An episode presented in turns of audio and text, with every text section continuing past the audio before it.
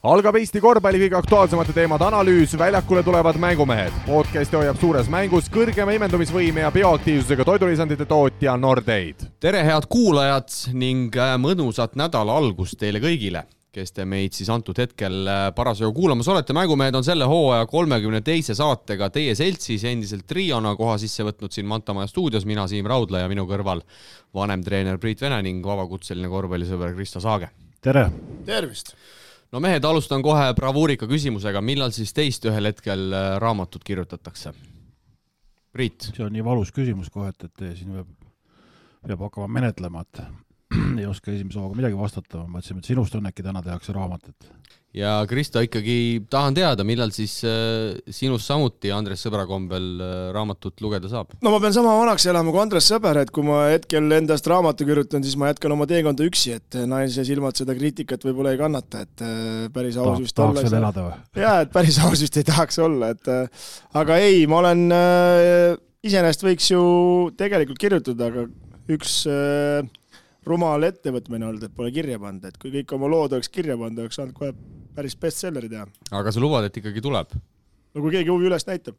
sest sa tead, et ma olen ju kõva jutuvestja, et ega mul ei ole probleemi, et ma võin selle illustada ka päris, päris võimsaks, nii et äh, aga ei.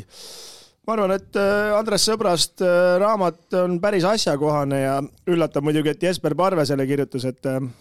mina ju olin ka Rakveres ja olin Jesperi korterikaaslane, kui Jesper äh, mängis Tarvas ja üle kahe kuu ta vastu ei pidanud, et äh, Andres ta lasi, lasi põhimõtteliselt lahti, et ta ei vastanud palga ja kvaliteedi ootustele, et äh, see nagu tundus huvitav, aga, aga no eks vanusega meil kõigil lähevad need üle ja Jesper niisuguse asjaga tegutseb, siis ikkagi palju õnne. no Priit, sina nii edev mees kui Kristo Saage ilmselgelt ei ole, aga, aga oleks ju ka sul üht-teist kaante vahele panna? no eks mõned lood ikka on jah, aga, aga Kristo räägib jah nii värvikalt ära, et, et siin pool, pool, pool on varjus teist omad, nii et me võiks Priiduga kahe peale teha, äkki saaksime ka ühe mingi viiekümnelehelise raamatu, et äh, kindlasti võib-olla jääb näppude vahele, nagu Andres Sõber ütleb ka see raamat, et siis saab vaadata, aga aga ei, sellest mehest on kirjutada ja eks seal on ka, ma arvan, ilustamist päris palju, aga Andresel need lood kõik meeles ei ole, ma arvan aga ärme pikalt kella pane, läheme kohe asja kallale, sest et ütleme nii, et tänases saates meil on, millest rääkida ja, ja võtame siit kohe eelmise nädalavahetuse suursündmuse Eesti-Läti ühisliiga näol ette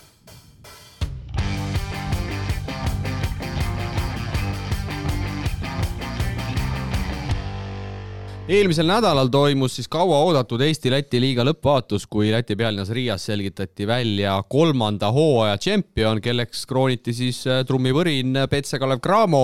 enne kui me hakkame mehed Eesti meeskondade mänge lahkama, siis äh, võib-olla küsin üldisemalt, mis üldmulje see Riias peetud finaalturniir teile jättis? no ütleme, et finaal oli tegelikult äh, päris, päris hea tasemega, et et pole, pole midagi öelda, et täitsa okei okay ja ja need vahed, mis on nagu madalamate võistkondade ja ütleme siis Cramo ja VEF-i vahel, need tulid ka nagu ilusti välja, et äh, nagu me siin oleme rääkinud, et kui VEF ja Cramo mängivad kõrgemates liigades ja ostavad endale selle investeeringu piltlikult öeldes kuldmedali oma koduliigas, siis täpselt sellised vahed ongi, et mingil hetkel need alumised satsid ei kannata enam tempot, viskad lähevad liiga kiireks,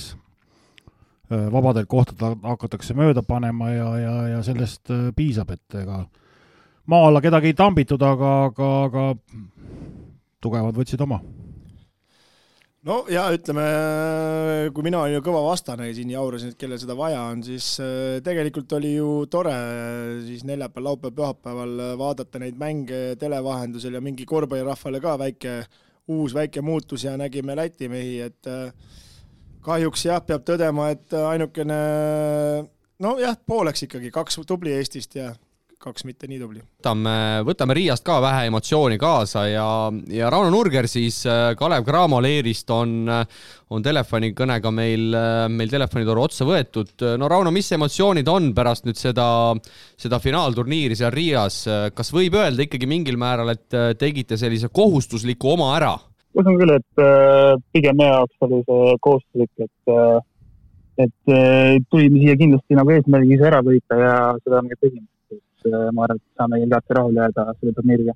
et siin mängu lõpus autasustamisel oli näha, et peatreener oli väga rahul, et selle võiduga ja temal oli seda vist tundus nagu kõige rohkem vaja, et kas, äh, kuidas teil need pinged seal sees oli või kuidas te nagu mänguks valmistusite? esimese hooga ikkagi VEF tuli väga hooga, et teie mänguplaan oli kindel, jätkasite seda ja lõpuks tõi võidu, aga mingil hetkel nagu kas ei löönud värinad sisse, et võib-olla see ei toimi? eks me väga-väga kusjuures ei julge ennast valmistada, et kõigepealt võtsime Rapla skaudingusse ja siis meil jäigi VEF-i üle siin ainult äh, päev, et vaadata, kuidas nad mängivad, et eks muidugi nägime ka, kuidas nad mängisid äh, kogemuste seal ja, ja nagu natuke jõudsime vaadata, kes mida nagu oskavad teha ja, ja, ja täna mängul, eks äh, me muutsime kaitses nagu palli, pallikaitset muutsime vahepeal ka, et nägime, et nagu nägite, et Kaiser sai seal alguses kohe mingi kolm-neli jällijuupi, et, et me natuke muutsime seda ja tundus, et see nagu toimis väga hästi. Ja et äh, minu jaoks murdehetk oligi see, kui VEF tuli teisele poolele vasta ja seis oli nelikümmend kaheksa, nelikümmend kaheksa ja siis äh, hakkasid äh, üritama andma, andma sööte, mis olid ei kuhugi aadressil, et et te olite kaitsjad ilmselgelt korrektuurid teinud ja pannud selle Kaiseri jooksu sinna rõngale kinni. täpselt, täpselt, et me teadsime küll, et seda nagu Kaiser, see on põhiasi, mida ta oskab teha, et, et, et natuke võib-olla hammustasime näppu ka sellega alguses, aga õnneks me suutsime teha korrektuurid ja, ja see toimis. No sina oled äh, märtsihullusel ka osalenud mitu korda, et räägi mingi natukene võrdlus, et kas äh, värin oli suurem või väiksem või, või kuidas see sellise liiga finaalis mängimine nagu sinu jaoks oli? tegelikult vahet ei ole, et äh, iga mäng on nagu, nagu mäng ikka, et äh, vastane on teine, aga, aga nagu otseselt nagu mingit värvi sellepärast küll nagu sisse ei olnud, et oleks nüüd, et nüüd on championship äh, mäng, et, et sellepärast just muretsen, et ei, igal mängul ikka samamoodi ja, tuleb mängida oma mängu kui sa nüüd võrdled väheke VTB-d ja VEF-i, et äh, noh, te olete siin viimasel ajal mänginud siin äh, Krasnodari, Kaasani, CSKA-ga, et kuidas selles võrdluses nagu vastane tundus, et kas oli nagu lihtsam või, või, või oli midagi väga keerulist või mis teile scouting rääkis seal? Ei, ma ei ütleks, et midagi väga keerulist oli, et me teadsime, tänane plaan oli, et me teadsime, et neid ei ole tegelikult äh, väga, väga suuri pikkasi, nagu VTB-s on, on enamus äh, tiimid olemas äh, suur, suur koll seal korvi all, et, et, täna seda ei olnud ja meil oligi plaanis tegelikult korvi alla seda palli natuke rohkem suruda ja, ja Toomas tegi seda väga hästi. no kui palju, äh, Rauno, see aitas, et äh, teil peatreener on lätlane ehk siis Robert Stelmachers, et äh, kui palju ta nende Läti meeste kohta just, ma mõtlen neid põhimängijaid, Arti Saate, Aigar Škele ja ja ütleme seal Sooriks ka, et palju ta nende meeste kohta sellist spetsiifilist infot teile edasi andis? eks, eks ikka, et äh, Akselis abikas meil on, on mõlemad ja peatreener on lätlased, et nad peavad äh, teavad end veidi vähe paremini kui, kui võib-olla Eesti treenerid siin, et äh, oli teada, et enamus lätlased, kes seal tiimis olid, on, on äh, päris hea viskejääga ja me teadsime, et ameeriklased, kes seal olid, tahavad rohkem läbi murda. et äh, üritasime lätlaste pealt vähem abistada ja, ja ameeriklaste pealt natuke rohkem abistada sellele no vaatasin, et treener oli ikkagi päris äh, osavalt ikkagi pannud ka mängujoonise paika, et äh, nii kui tuli Helmanis väljakule, läks ikka sina väljakule ja kiirema Kaiseri vastu usaldas Toomast rohkem, et äh, teil põhimõtteliselt kõik tegid oma ära ja lõpuks teie mänguplaan ikkagi toimis nii hästi ja surumine, et VEF pakkus teile kõrget tempot, aga ise sellega hakkama ei saanud. täpselt, no nõustun sinuga täiesti praegu, et me tahtsime ise ka, me teadsime jah, et nad on päris kiired mängijad tegelikult, et me pidime selle kiirrünnaku neil kinni saama, aga samas me teadsime, et me peame ise ka väga kiirelt mängima, et eh, Rapla vastu meil läks samamoodi, me saime päris palju punkte saime ikkagi nagu kiirrünnakust ja täna oli täpselt samamoodi, et me saime, me saime selle laua, kaitse lauapalli kätte, siis me üritasime ikkagi eh, kohe selle palli ettepoole sööta, et mitte, mitte nagu aeglaselt mängida. palju siis preemiat saite siis? Eks ootame, vaatame, mis siit tuleb veel, äkki, äkki tuleb ikka midagi. No kas jääte, midagi räägitud kas jääte, Rauno, Riiga veel, veel ööks või, või ootab ikkagi tagasisõit äh, Tallinnasse? hetkel just jõudsime hotelli tagasi ja, ja nüüd äh, sööme siin õhtust ja, ja naudime natuke aega ja siis ikkagi äh, hakkame vaikselt Tallinna poole tagasi liikuma. no eks kolm, kolm VTB mängu on veel vaja korralikult ära mängida ja vormistada ka Eesti meistritiitel, et aga, aga palju õnne ja, ja oleme ausad, et kui oleks sealt hõbedaga koju tulnud, siis oleksid kõvad mõrud pillid olnud suured tänud, suured tänud jah, et kaks, kaks äh, karikavõit on käes ja nüüd on Eesti-Läti võit käes ja ongi jah, üks on jäänud veel ja peame selle ka ära võtma ilusti. no ma kuula-, küsin, Rauno, siia lõppu ka veel, et et sinust endast ka sel hooajal, et äh, ma julgeks ise väita, et sa oled selgelt siin äh, hooaja käigus edasi läinud äh, nii Eesti-Läti liigas kui VTB liigas, et kuidas sa ise nüüd hooaja teises pooles ennast Kalev Cramo särgis just võib-olla VTB liiga tasemel tunned? Ma arvan jah, et iga mänguga on nagu natuke paremaks läinud ja mul on nagu vähe mugavamalt ennast tundma hakanud, et pean lihtsalt ise ennast usaldama ja, ja usun, et mul on nagu šanssi seal, vahet pole, kes on kõrval vastu et ma ma piisavalt hästi endast usun ja ma arvan, et ma jalgan tööga, ma suudan äh, ilusti endale jalad pilistkohas välja mängida, et peab lihtsalt usaldama ennast rohkem. aga me ei hoia sind, Rauno, pikalt äh, kinni, soovi siis teistele ka kõigile meie poolt äh, palju õnne tiitlivõidu puhul ja, ja ega muud midagi kui head tähistamist ja, ja jõudke kenasti ta, Tallinnasse tagasi. teeme nii, aitäh teile! no nii, ja täna siis äh, tuleb siin Eesti-Läti liiga rubriigis ka, ka teine kõne, kui, äh, kui teisel pool toru otsa peaks olema Rapla meeskonna peatreener Toomas Annuk. no Toomas, äh, kuidas siis see nädalavahetus seal Riias kokku võtta? saite neljapäeval väga, väga võimsa võidu Ventspilsi vastu, pusisite tegelikult ka Kalev Cramoga poolfinaalis tublilt ja, ja ütleme nii, et kolmanda koha mängus tuli võtta veelgi valusam kahepunktiline kaotus vastu Ogrelt, et selline esimene emotsioon, mis sul, mis sul hetkel peas ütleb? bussis oleme arutanud ka, ega üldpildis võib rahule jääda, et noh, see tänane mäng või see, et see medal nüüd just hetkel kaelas ja lipus jääb muidugi hinge närima, aga aga ma usun, et meie klubi jaoks ja Rapla jaoks ikkagi ta oli selline hea samm edasi ja ja ei pidanud kohe teisel päeval koju tagasi sõitma, et saime seal Riias vähe pikemalt olla ja nagu ikka turniiri mullis sees olla ja nagu elu käib võistkondadel, et hommikul trennid ja videod ja õhtul mäng ja selles mõttes oli ta meie jaoks niisugune esmakogemus küll, aga ma usun, et väga huvitav ja kasulik, jah. Äh, minu vaatevinklist ka häbeneda pole midagi, aga nüüd ikkagi ju, kui hakata lugema siin neid mänge järjest, siis esimene mäng väga võimas avaldus esimesel poolel, meeskond hästi valmis pandud ja ütleme, kindel võit Ventspilsi üle, see meid ei huvita, mis konditsioonis nemad on või kuidas nad mängivad, aga kindel võit Graamo vastu võib-olla nagu ei olnud päris nii valmis ja nendega nii palju mängitud ja neil lihtsalt seda ressurssi ja jõudu on rohkem, aga jõuame nüüd kõige tähtsama mängu juurde Ogrega, et natukene tundus sealt telepildist, et äh, nagu krampis oli võistkond, et äh,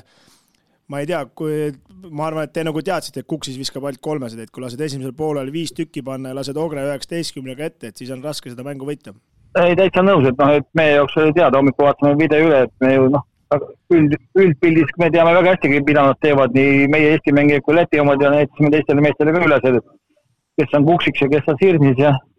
noh, esimene veerand nad juba ladusid neli seda nii-öelda buzzer-beaterit sisse, et no mis olid ülimalt valusad seal, et eh, küll üle käe ja noh, see Kuksiksi üks kolmene oli jälle meie kaitsesegaduse tulemusena, kus pidanud no, selgelt vahetama seal. Paar mängijat omavahel, aga jäeti Kuksiks just nagu üksi, noh, niisugused natuke lapsikud eksimused, kas nad nüüd tulevadki sellest, et mängu tähtsus oli selline või või oli mingi kramp, nagu sa mainisid, noh, ma ei, ma ei usu, et kogu võistkond krambis oli, võib-olla mõnede meeste jaoks ikkagi on see selline mängu tähtsus võib-olla kuskil jah, taga nagu kuklast rummeldas. no ütleme ja, et äh, tagantjärgi targutamiseks võib-olla me, mina isiklikult vähemalt vaatan ikkagi läbi Eesti prillide ja Rapla prillide, et äh, lootsin seda meda-, medalit nii-öelda ka, et see tuleks Eestisse, aga, aga ütleme nii, et äh, eks see eelarvefond ja mängijate valik lihtsalt paneb selle paika, et aga, aga Ogre oli niisugune ebamugav võistkond ja ikkagi nende äh, Läti keskmikud ja tugevad, et selle mänguga tundub nagu hästi ei suutnud kohaneda? ma ei oska öelda, me tulime ikkagi mängu tagasi ja noh, ütleme siis juba oli punkt punkti, ma ei täpselt ei mäleta, vist korragi juhtima ei saanud, aga viigis olime seal paar korda ja et noh, juba lõpus on nagu ikka, et selle loterii allekrivi vahepeal, et paar niisugust rumalat lahendust võib-olla rünnakul, kus jällegi kaitses unustati, noh, hea küll, see Antroksi kaks-kolmest oli ikka sellised pahad üllatused, et et ma usun, et me olime valmis küll nendega mängima, aga jah, selline mingi X-faktor jäi puudu, et see kaks punkti kuskilt ära näpistada või ütleme siis veel kolm, et noh no,. just tegin praegu bussis, tegin just bussis videot ka ja noh,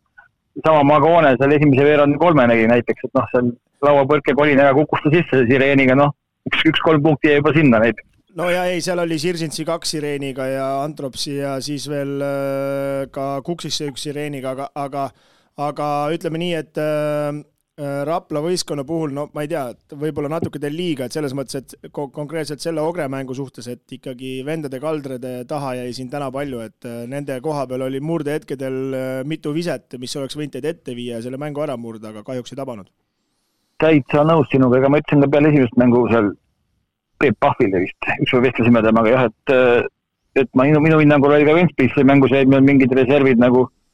kasutamata, aga kahjuks ka selle turniiri käigus me ei suutnudki neid asju ära kasutada, et ikkagi oleks tahtnud näha jah, sealt osadelt meestelt sellist suuremat panust ja sellist just mentaalset nagu stabiilsust ja enesekindlust endal kõigis kolmes mängus, et, et noh, need on kindla asjad, mis nagu, mille üle me siin juba oleme bussis arutanud ka ja pead murdnud, et millest see küll tuleb näiteks. no ma lõikan selle Saage soolo siin nüüd ära ja, ja küsin sult, Tom, et äh, sa kohe mängujärgses intervjuus äh, mainisid, et äh, tsiteerin siis sind, et ju selle mängu tähtsus tõmbab mõnel mehel pea kinni ja unustatakse ära, mida teha tuleb. mida sa seal täpselt silmas pidasid, et millest siis ikkagi mängijad mingitel hetkedel kinni ei pidanud? No on näiteks täitsa lihtsad asjad, kui noh, kui on vaja kaitses vahetada, ühepikkused mehed on vastastel, seal mängivad Ando pikem rolli ja meil on kaks ühepikkust meest kaitses, et siis on ju noh, on nagu ka, ma usun, noorte korvpalli tasemel selge, et see on vahetuse koht, eriti kui seal üks neist on nagu valus viskaja.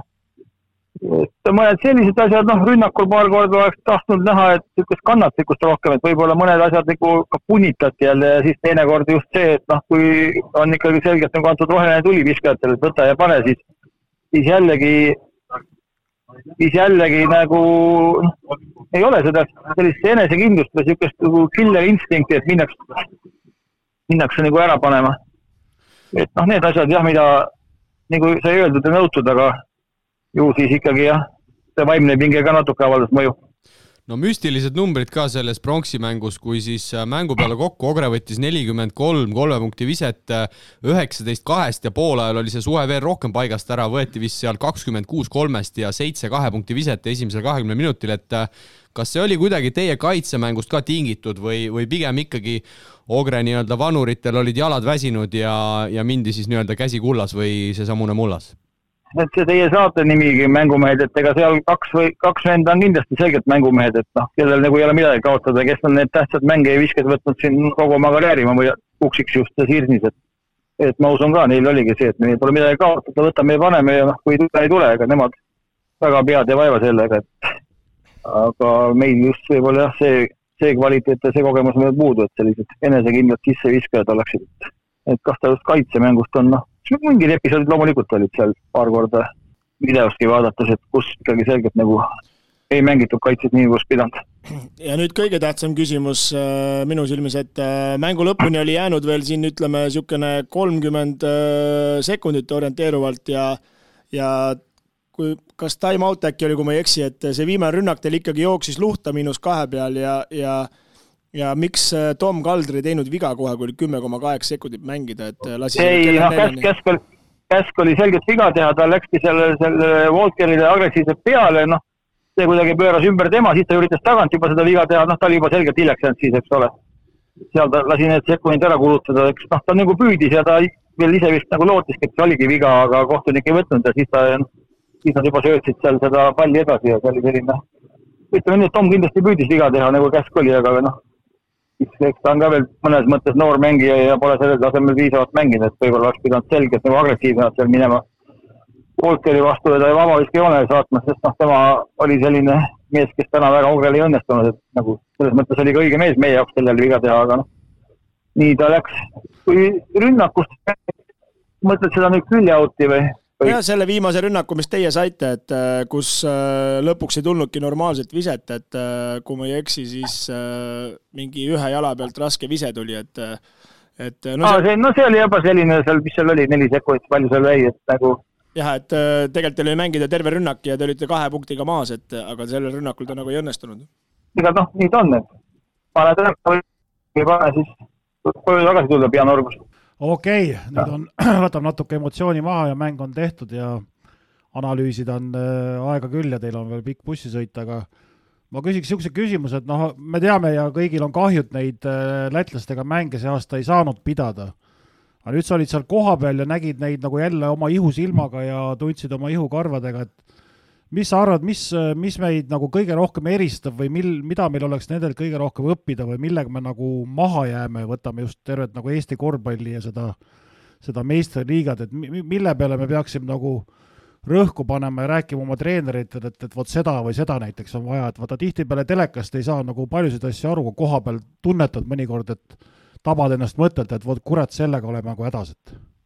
arutasime, et millest see nagu tuleb, et ikkagi nagu nad on nagu kuidagi enesekindlamad ka, et isegi need noh, Ogres ütleme selline võistkond, Memphis okei okay,, seekord neil ei õnnestunud, aga kuidagi neist kumab läbi selline enesekindlus ja individuaalne meisterlikkus mingites episoodides rohkem kui nagu meil, et, et millest see tuleb, sinna me pole jõudnud, kas noorteklassis siis ikkagi võib-olla jah, treenerid, ega ma Läti korvpalliga nii hästi tunne, et millest see erinevus tuleb, et noh, neil on nagu mängijaid rohkem, neil on juba väljas ja tipptasemel ja meil noh, nüüd on tekkinud uus generatsioon, kes on piisavalt enesekindlad, aga kuskil nagu jah, oleme nagu no ikkagi jah, natuke vaatame alt üles Lätile, aga mis need põhjused, ma ei oskagi öelda, et noh, loomulikult oleks maru hea nendega aasta läbi mängida ja noh,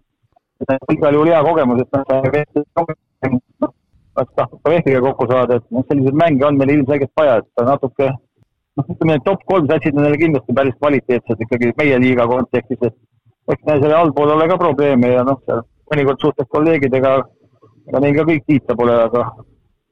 aga millest need jah, vahe tuleb või mõned vajakajäämised, ega ma ei ole ka nii, nii pädev inimene seda hindama no ütleme nii, et äh, sinu jutu taustaks ma nagu võtaks kokku nii Pärnu kui teie kaotused äh,. Oogre ikkagi see keskmik, ütleme need Seebergsid ja Missisid ja Magoned ja äh, ja need ikkagi on ikkagi päris arvestatavad jõud ja niisugused suured tugevad äh, jõujunnid, et äh, nemad ikkagi ma ei tea jah, võib, kuidas öelda, see, millest sa rääkisid, enesekindlust jääb sinu meestel puudu, et nemad ikkagi risti ette ei löö, nagu kas või see Antrops võtta, võtta, et ta ju tegelikult eile ei saanud suuri minuteid ega eriti üldse ei saanud ja Magonev üldse ei olnud mänginud äh, sellel turniiril, et kuna see mm, Targais sai vigastada, siis mees pani vormi selga, et see oli ka päris huvitav ja et nad noh, see on õige märkus, et kuidagi sellised tugevad, tugevad jussid nad on ja nagu tõesti nad risti ette ei löö, et äh, igati kumab läbi neist seda enesekindlust ja sellist nagu nii-öelda tahtmist või sitkust ja,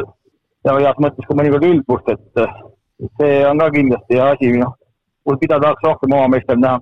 no selge, Tom, ma usun, et praegu ilmselt bussiga tagasi sõites Raplasse on, on meel veidi mõru, sest et medalist jäeti ilma, aga, aga ma usun, et vaadates nüüd juba edasi Eesti meistrivõistluste play-off idesse, siis tegelikult igal juhul ju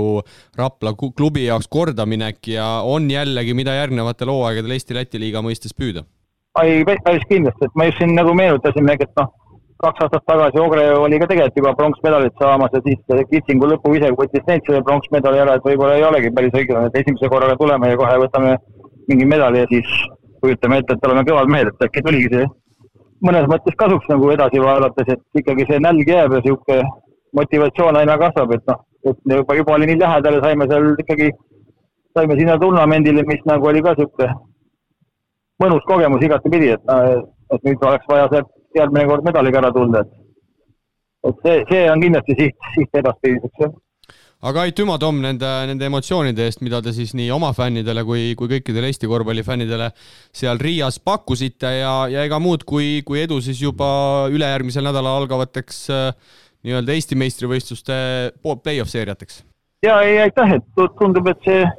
meie käekäik läks päris paljudele korda, et siin igapäevaselt tuli siin kaasa elavaid ja toetavaid sõnumeid, et selles mõttes noh, tore, kui saime rahvale midagi pakkuda, et nii Rapla inimestele kui tuli, tuli kas või Tartust, Tallinnast, igalt poolt tuli toetavaid nagu, toetavat tagasisidet, et ma usun, et võime sirbi sellega edasi minna Rapla vahel. ja jõudu-jaksu ja uute medaliteni siis! ja edu! ja aitüma ja edu teile ka! Ja paneme siit oma juttudega äh, kenasti edasi ja, ja nüüd on meil siis äh, kuulatud äh, emotsioonid või nii-öelda tagasiside nii Kalev Cramo poolelt kui, kui Rapla poolelt, aga, aga hakkame siin oma aruteluga pihta siis neljapäevast ja ja võtame siit ette siis kõigepealt selle Ogre ja Pärnu mängu, ma arvan, mis tegelikult võib-olla Eesti korvpallisõprade seas äh, põhjustas võib-olla kõige rohkem sellist furoori ja, ja ikkagi päris palju oli Pärnu jaoks mängus, kes on siin plaaninud eurosarja minna ja nii edasi ja nii edasi, aga, aga Pärnu siis kahjuks ikkagi, ikkagi selle mängu Ogrele lõpuks äh, kaotas ja see mäng libises ära, me võime, me võime öelda vist piltlikult teisel poolel. no jah, selles mõttes, et ega meie osad siin äh, nii-öelda analüüsid äh, läksid ju ka pihta ja, ja ja Kristo ütles seal mängu ajal ka, et äh, meile, et äh, et lätlased ikkagi oma, oma mehi nagu teavad ja, ja tegelikult kuidagi millegipärast nagu Rannula Plausi pani väga vähe ka ja ta ei saanudki sellesse mängu nagu sisse, ütleme nii, ja, ja see oli ikkagi üks niisugune valus moment, kus tegelikult öö, Ogre vastu jäädi nagu korvi all nagu tegelikult äh, hätta ja mu, siis hakkasid need kõik muud hädad nagu pihta, et me ei saanud enam üldse sinna korvi lähedalegi ja, ja ja, ja noh, see oli selline nagu küsimärk, aga no kokkuvõttes ütleme nii, et need, mis olid Ogre eelised, et natuke suuremad, natuke kogenumad, natuke tugevamad, et see kõik nagu tõi, tõi nagu Pärnule selle kaotuse ja ega Pärnu ei teinud halba mängu ega head mängu, Pärnu tegi täpselt sellise mängu, nagu nad on hooaja sees teinud. lihtsalt vastane oli vähe teistsugune kui Eestis ja, ja vot sellist üllatusmomenti nagu Pärnu poolt ei tekkinud ja, ja ega Ogre nüüd väga nagu midagi erilist ka ei pidanud tegema, lihtsalt käisidki oma jõuga nagu üle ja, ja, ja see, et nendel jõudu on, see näitas ka ju järgmine mäng, et äh, Vehviga pusisid ju ka viimase minutini, et, et äh, selline see asi on ja Pärnul on siin kõvasti mõtteainet, et äh, mis siis hakata siin euro, eurosse ütleme minekuks nagu keda siis osta või keda mitte osta, ütleme, et, et noh, siin on kindlasti kaks mängujuhti ja tsenter ja siis veel muudesse positsioonidesse pead ka vaatama, kes siis nagu sobivad, et et siin on ikka päris, päris nagu kõvasti mõtteainet. no mitte, et me, me siin tahaks hirmsasti Pärnu äh, haavadele nii-öelda soola peale valada, aga, aga ilmselgelt on meie saade see koht, kus neid äh, nii-öelda küsimusi esitada ja nendele vastuseid äh, leida. kas siis tõesti Kristo Eiko Rannula plaaniski esialgu seda mängu mängida seitsme mehega, sest et esimese poole ta mängis seitsme mehega, siis tuli kolmanda veerandaja keskel väljakule kaheksateistkümne aastane Hugo Toom sealt äh, läks vahe viie peale, siis läks Toom pingile, siis läks vahe kümne peale, viieteistkümne peale ja ühel hetkel oli see vahe juba, juba kakskümmend punkti, aga minu küsimus siit tuleb äh, pigem just Toomile viidates selle kohta, et kaheksateistkümne-aastane Hugo Toom on korduvalt sel hooajal olnud Rannula käe all ka algkoosseisus, keskmiselt siis kaheksateist minutit, neli koma üks punkti, kaks koma viis lauapalli ja, ja mis just Toomi puhul on noore mängumehe puhul silma hakanud, on see, et ta tegeleb, tegutseb väga küpselt seal väljakul, vaatamata sellele, et ta esimest hooaega on alles kõrgliigas mängimas mina ei tea, mis see Rannula mõtles või mis ta tahtis, aga, aga no ainukese asja, mis ta minu arust õieti tegi, oli see, et ta pani kanguri põhikoosseisu, et äh, rohkem kogemust, aga, aga no Maksuuni teati, et mäng käib ümber Maksuuni ja oleme ausad, Ogre tegi kõige kehvema mängu Pärnu vastu, et äh, turniiril järgmised kaks mängu ta tegi palju paremad ja ja ikkagi no täiesti lati alt minek, et äh, mina ütlesin kohe, et ega see Ogre ei ole mingid papispoisid et need söövad plausid ja kirvesed ja Jaunsempsid ära, aga näe, päeva lõpuks oli mul ikkagi õigus. ja vastupidiselt siis äh, vastaste peatreener Nikolais Masurs äh, läks selgelt Priit mängima kümnemehelise rotatsiooniga ja vastupidiselt siis sealpool näiteks äh, paar aastat Toomist näiteks vanem Rodrigo Puumeisters, kes on sel hooajal keskmiselt mänginud kolmteist minutit ja visanud kaks koma viis punkti näiteks ainult, oli selles mängus väga olulises rollis, oli siis teine mees Seebergsi kõrval, kes asus hakkima hakkima meie Maksuunit ja Puumeister siis kolmteist minutit väljakul, neli punkti, kolm lauda, kaks söötu, pluss-miinus näitaja võistkonna üks parimaid, pluss äh, kuusteist, et Maasursil ikkagi oli selge plaan mängiks seda mängu kümne mehega, ajada tempo nii-öelda selles osas kõrgeks, et äh, käia kõri kallal Pärnul ja, ja tegelikult see teisel poolajal vilja ka kandis. Jah, no sellistele noortele mängijatele ongi vaja sellist konkreetset plaani anda ja, ja nendel tõesti see oli nagu olemas ja ja nad leidsid nagu neid mehi seal ju veel, et isegi Miisis, kes tavaliselt on siin mänge, kus ta punkte ei viska, kus ta üldse pealegi ei viska, tõi nagu korve ja, ja ja, ja noh, eks nad vaatasid nagu seda, et, et see turniir on noh, ikkagi kolm mängu on kolm mängu, et, et äh, sa ei saa, sa ei saa nagu nii väheste meestega mängida ja, ja, ja mängu lõpus nad olid kindlasti värskemad ja ja nende plaan nagu toimis paremini et äh, kahjuks juhtus see, mis Rakveres karikas, et äh, jäädi kohe nii-öelda vastase surve alla ja, ja seal nii palju mehi polnud või mune kellelgi, et see enda peale võtta ja veeretamine käis lõpuni ja nii ta läks lõpuks. ja Masursi nii-öelda usalduse kohta oma mängijate vastu näitab ka see, mida Priit siin tegelikult juba mainis, et äh, Ogrel siis üheksakümnenda mängijana käisid väljakul kolmekümne kahe aastane Lauris Miisis keskmiselt sel hooajal üheksa minutit, üks koma kaks punkti ja kolmekümneaastane Jaanis Antrops, kes tegi, mäletame Rapla vastu pronksis väga hea mängu, aga sel hooajal ka vaid üksteist minutit ja kaks koma kuus punkti, aga näiteks Rannar Raab, kahekümne üheksa aastane, kes ka tegelikult taolisi mänge on mänginud kaksteist minutit sel hooajal, kaks koma üheksa punkti, kaks koma kolm söötu, et tegelikult äh, ma arvan, et Rannar, kui ta seal oleks paar äh, setti teinud, ei oleks ilmselgelt midagi ära rikkunud. jälle niisugune tagantjärele targutamine, aga aga Raap, ma arvan, et sarnaselt Miisise ja Antropsi moodi oleks võinud selles mängus väljakule tulla küll ja no Rannar on vähemalt selline mees, kes äh, oleks suutnud nagu mingil hetkel keha anda, et äh, kui Rannarile anda ka ülesanne, mine tee näiteks kaks viga või pane vähe kõlga vastu kellelegi ja istu kaitses seljas, siis äh, see annab ka ikkagi mingisuguse käigu juurde, et ega, ega alati käigud ei pea nagu enda poolt tulema, vaid sa pead midagi tegema sellist, mis nagu vastase näiteks närvi ajab ja, ja teinekord on nii, et, et sa ajad vastase närvi ja nad hakkavad ise enda vastu nagu mängima. aga seekord nagu bänd on sinnamaani nagu jõudnud ja, ja selles mõttes on siin kindlasti palju mõttekohti, et, et noh, tavaliselt öeldakse ikka, et ega siis iga mees on ju võistkonnas tähtis ja, ja ja kui seda platsile ei pane, siis ei ole temast nagu mingit kasu, et, et äh, vana kogenud mees, et äh, kindlasti oleks pidanud leidma talle ka mingisuguse momendi. ja Kristo Maasursilt äh, järjekordne väga turk, tark lükke oli minu meelest selles osas, et nii Riinat Sirsnis kui Richard Skuksiks tulid mõlemad vahetusmängijate pingilt ja ja kui äh, me teraselt jälgisime, siis sellel turniiril üldse tegelikult need mehed sisuliselt koos kogu aeg väljakul äh, viibisid ja mõlemal siis parim pluss-miinus näitaja võistkonnas äh, Pärnu vastu, Sirsnis pluss kakskümmend kaks ja Kuksiks pluss üheksateist no ütleme nii, et vastaste treener oli ikkagi päris äh päris hea töö teinud nagu kodutöö ja, ja suutsid mängijat äh, selle ellu viia ja alati õnnestumistega nad aina rohkem sellesse uskusid, et äh, ma ei räägi siin Pärnu mängust äh, ka ainult, et ma räägin siin näiteks VEF-i mängust, tegelikult seal nad andsid selle mängu ära, nad olid juba nelja või viiega Kuue, ees. kuuega olid peal. noh, kuuega olid peal ja juba lõpp oli ainult nende käes, aga seal nad andsid selle ära, VEF võttis nagu jõuga ära. Aga mis selle mängu juures oli nagu hämmastav käik, et nad panid maa-ala püsti ja VEF oli püsti hädas, noh. Ja ma mõtlesin, kas VEF tõesti ei suudagi maa-ala murda ja ei suutnudki ja, ja seal ikkagi no kui me tuleme Pärnu mängu juurde tagasi, mis meid rohkem huvitab, et miks nad kõrbesid, siis äh, millega Pärnu Eesti liigas platsi puhtaks lööb peale Cramo ja Rapla on korvialune, et äh, seal neil on ikkagi jõudu nii palju, Kirves, Jaunseps, Kangur, Plaus ja lihtsalt saavad oma kordusviskeid ja, ja enesekindlalt sealt keerutavad ära. Aga nüüd pandi vasta neile need äh, Läti öelda maatöömehed, eks, Miisised, äh, Targais, Bosniaks, Antrops, siis no vesi ahjus, ei saa kuhugi minna, noh, Kirves midagi tegi, aga samas ei teinud midagi, aga Targais astus vasaku käega. no vabavisked Pärnul selles mängus, no muidugi olgu öeldud, et sel turniiril üldse vabavisetega kõik võistkonnad enamjaolt olid hädas, aga kahekümne neljast üksteist, kas siis tõesti, Priit, pinged olid selle eurosarja pärast äh, nii suureks aetud või need ootused või? no eks siin igalt poolt natukene, et äh, kindlasti pandi endale ise suuremad pinged äh,, me siin korra arutasime eelmises saates ju ka, et mis on Eesti ja Läti korvpalli vahe, no et, et lätlased seda tempot ikkagi hoiavad natuke kiiremat ja, ja ja kui sa ikkagi võtad kogu aeg rasked visked ja, ja kogu aeg lähed nagu kõrgema pulsiga sinna vabaviskejoone peale ka, kui sa oled harjunud terve aasta otsa käima, siis see avaldab mõju ja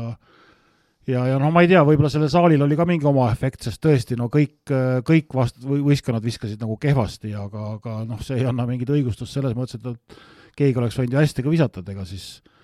korv on ikka korv ja pall on ikka pall, et ega siis vahet pole, kas sa viskad Riias või Pärnus. No jaa, et siin veel, kui nüüd äh, arutada neid äh, kahte suurt turniiri, ühesõnaga Rakvere mängus, mängus siis karikas ja nüüd Ogre vasta, siis äh, ikkagi üks läbiv fakt on ka, et ma numbreid küll ei vaadanud, aga Maksuuni põles mõlemas täielikult läbi ja kui ta on terve hooaja olnud võistkonna hing ja nüüd tähtsates mängudes no selge on see, ega vastasvõistkond ju teab, kes on vastaste tugevam mängija, teevad selleks aga mingit vastukäiku Maksuunil endal ega treeneritel nagu ei ole, et panevad ta raskesse olukorda ja ta ei tassi enam võistkonda ja siis ja oleme ausad, ega Pärnul ju viskajaid polegi võtta rohkem, et äh, Rosenthal mingil määral on, aga tema mäng ka ebaõnne, ebaõnnestus selles mõttes selles konkreetses mängus. No selle Pärnu, äh, Pärnu mängu lõpetuseks äh, jälle tagantjärele jube hea tark siin olla, aga aga mida oleks saanud Pärnu meeskond teisiti teha, et see mäng oleks äh, lõppenud teistsuguse lõppskooriga? TalTechiga normaalne mäng teha, et niisugust kolonaadi polnud vaja teha, mida nad seal korraldasid, ma ei tea, kas nad ise arvavad, et see oli okei okay, või me ei tea, võib-olla tõesti Rosenthal ja Kirves äh, ei tundunud küll, et neil mingi vigastus äh, kolm päeva või neli päeva hiljem oli, et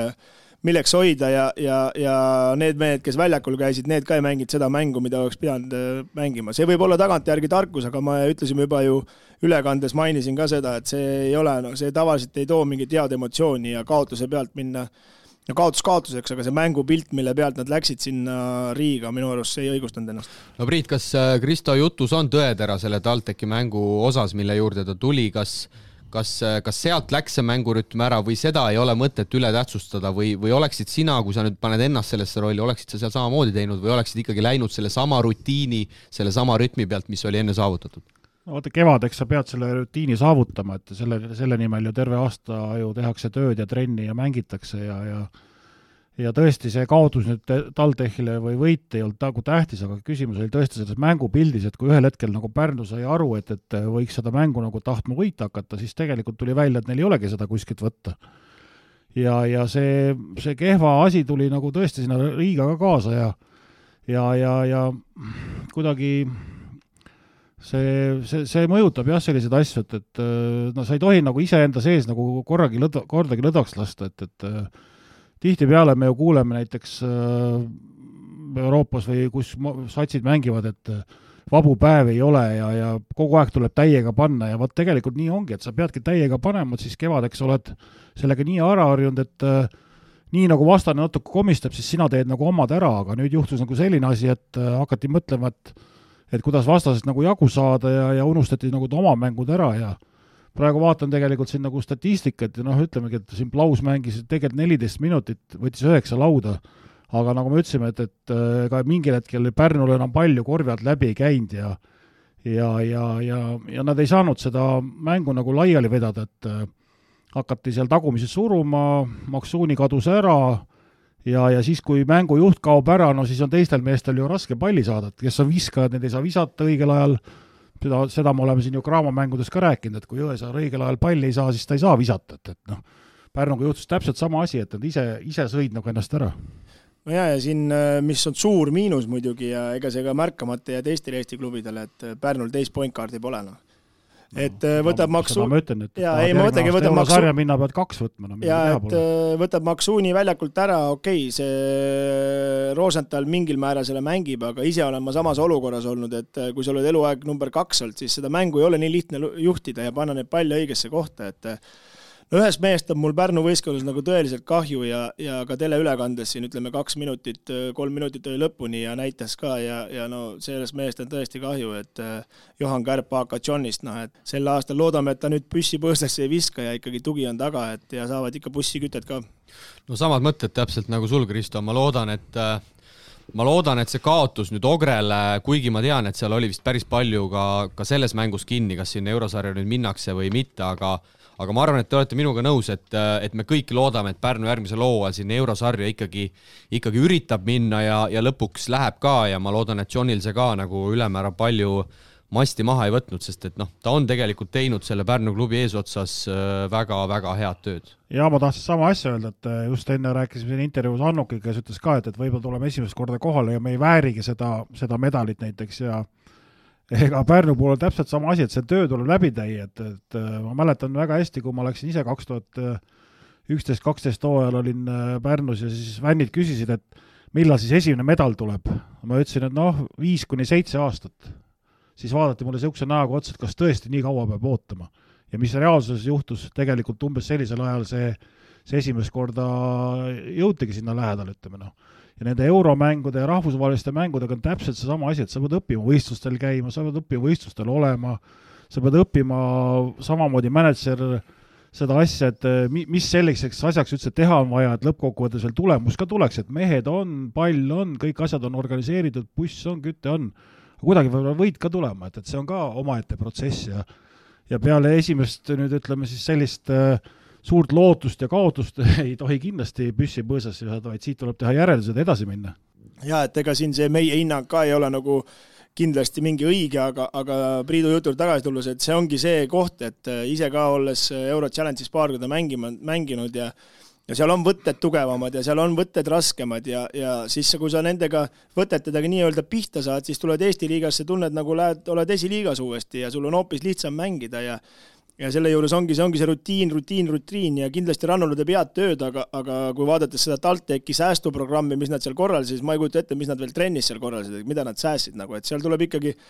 mul on sama kogemus Valgas, et kui äh, oli Umbrasko peatreener, siis hakkasime enne mängu mängima viis-viiti ja keegi sai näpu pihta, siis lõpetasime ära, loopisime alt peale, et äkki keegi saab vigastada, no nii ei saa elada, no vigastused ikka spordis tulevad ja tuleb panna ikka trennis ja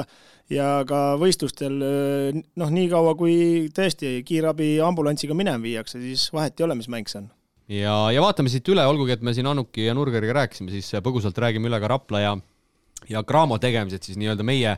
meie vaatevinklist ja, ja võtame siis neljanda koha omaniku äh, Rapla, noh, neljapäeval väga korralik mäng Ventspilsi vastu, Priiduga seda kommenteerisime ka, no Ventspils oli nagu ta oli, aga nagu Kristo siin juba Annukiga intervjuus ütles, see ei ole absoluutselt Rapla probleem, poolfinaalis Cramoga läks nii, nagu pidi minema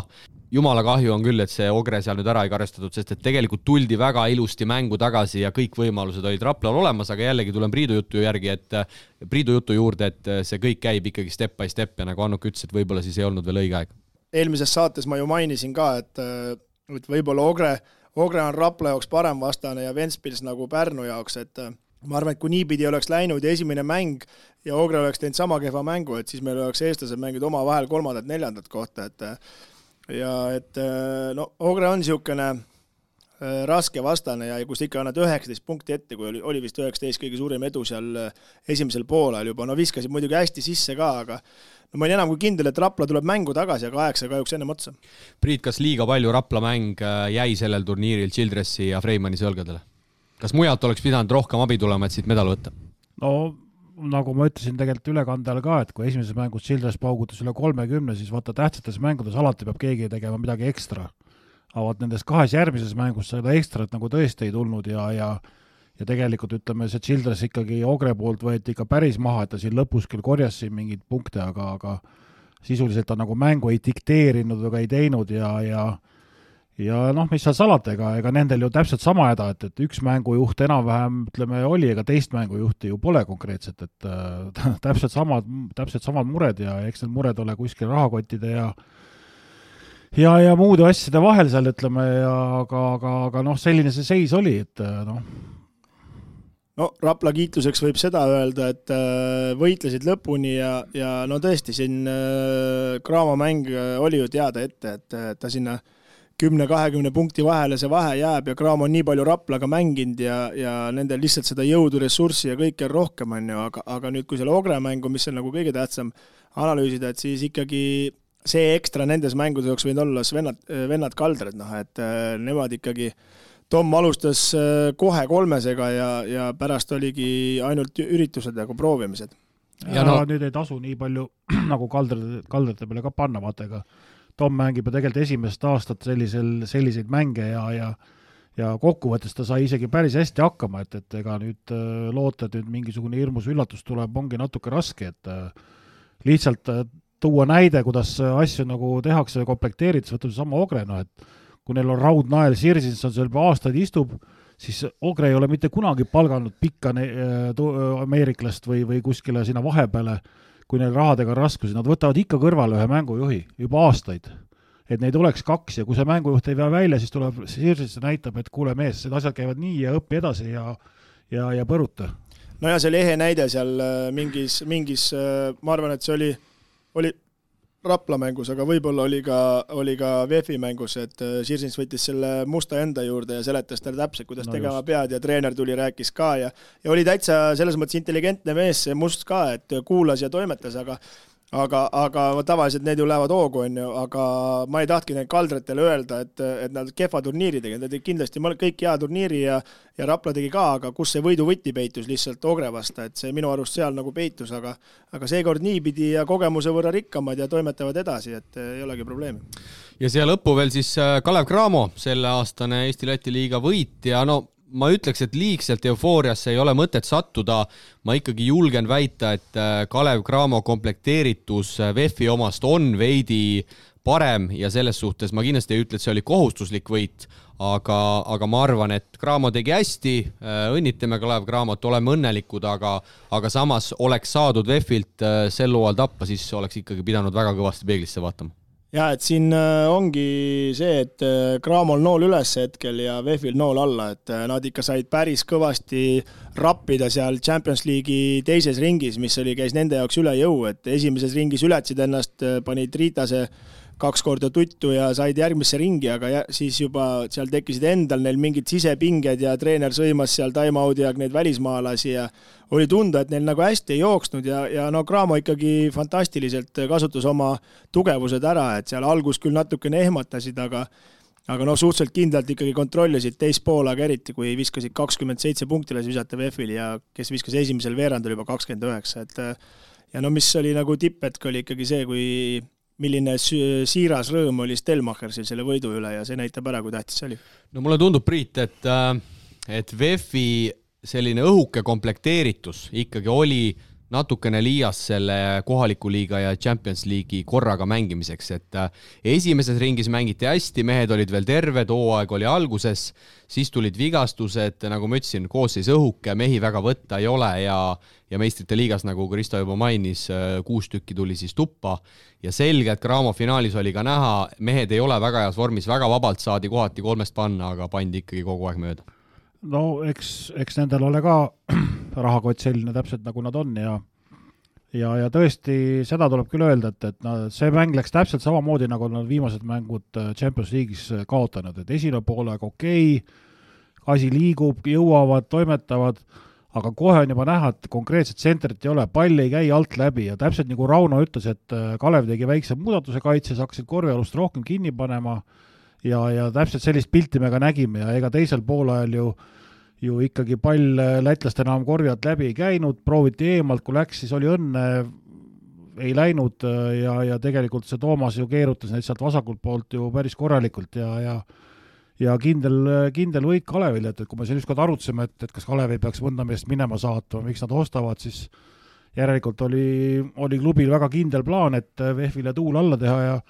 sellega saadi hakkama ja, ja ma ütlen, et, et noh, sellist kaitse harjutamist, mida me siin oleme sinuga näinud siin viimased mängud, kui nad VTB-s mängisid, Lokomotiiv, Kaasan, CSKA, see kõik on kasuks tulnud ja see nüüd kasutati VEF-i vastu oskuslikult ära ja, ja, ja, ja ütleme siis nii, et päris kindel võit aga siia lõppu ma, ma julgeks öelda küll, et üle pika aja oli tõeliselt äge seda kossuvärki vaadata seal Riias, et äh, tõesti pakkus huvi ja ja võib-olla nende koduliiga kuue vooru kõrval oli selline sõõm värsket õhku mingil määral. no oli, oli, no ega mängud olid ju tegelikult tihedad, et äh, Rapla ju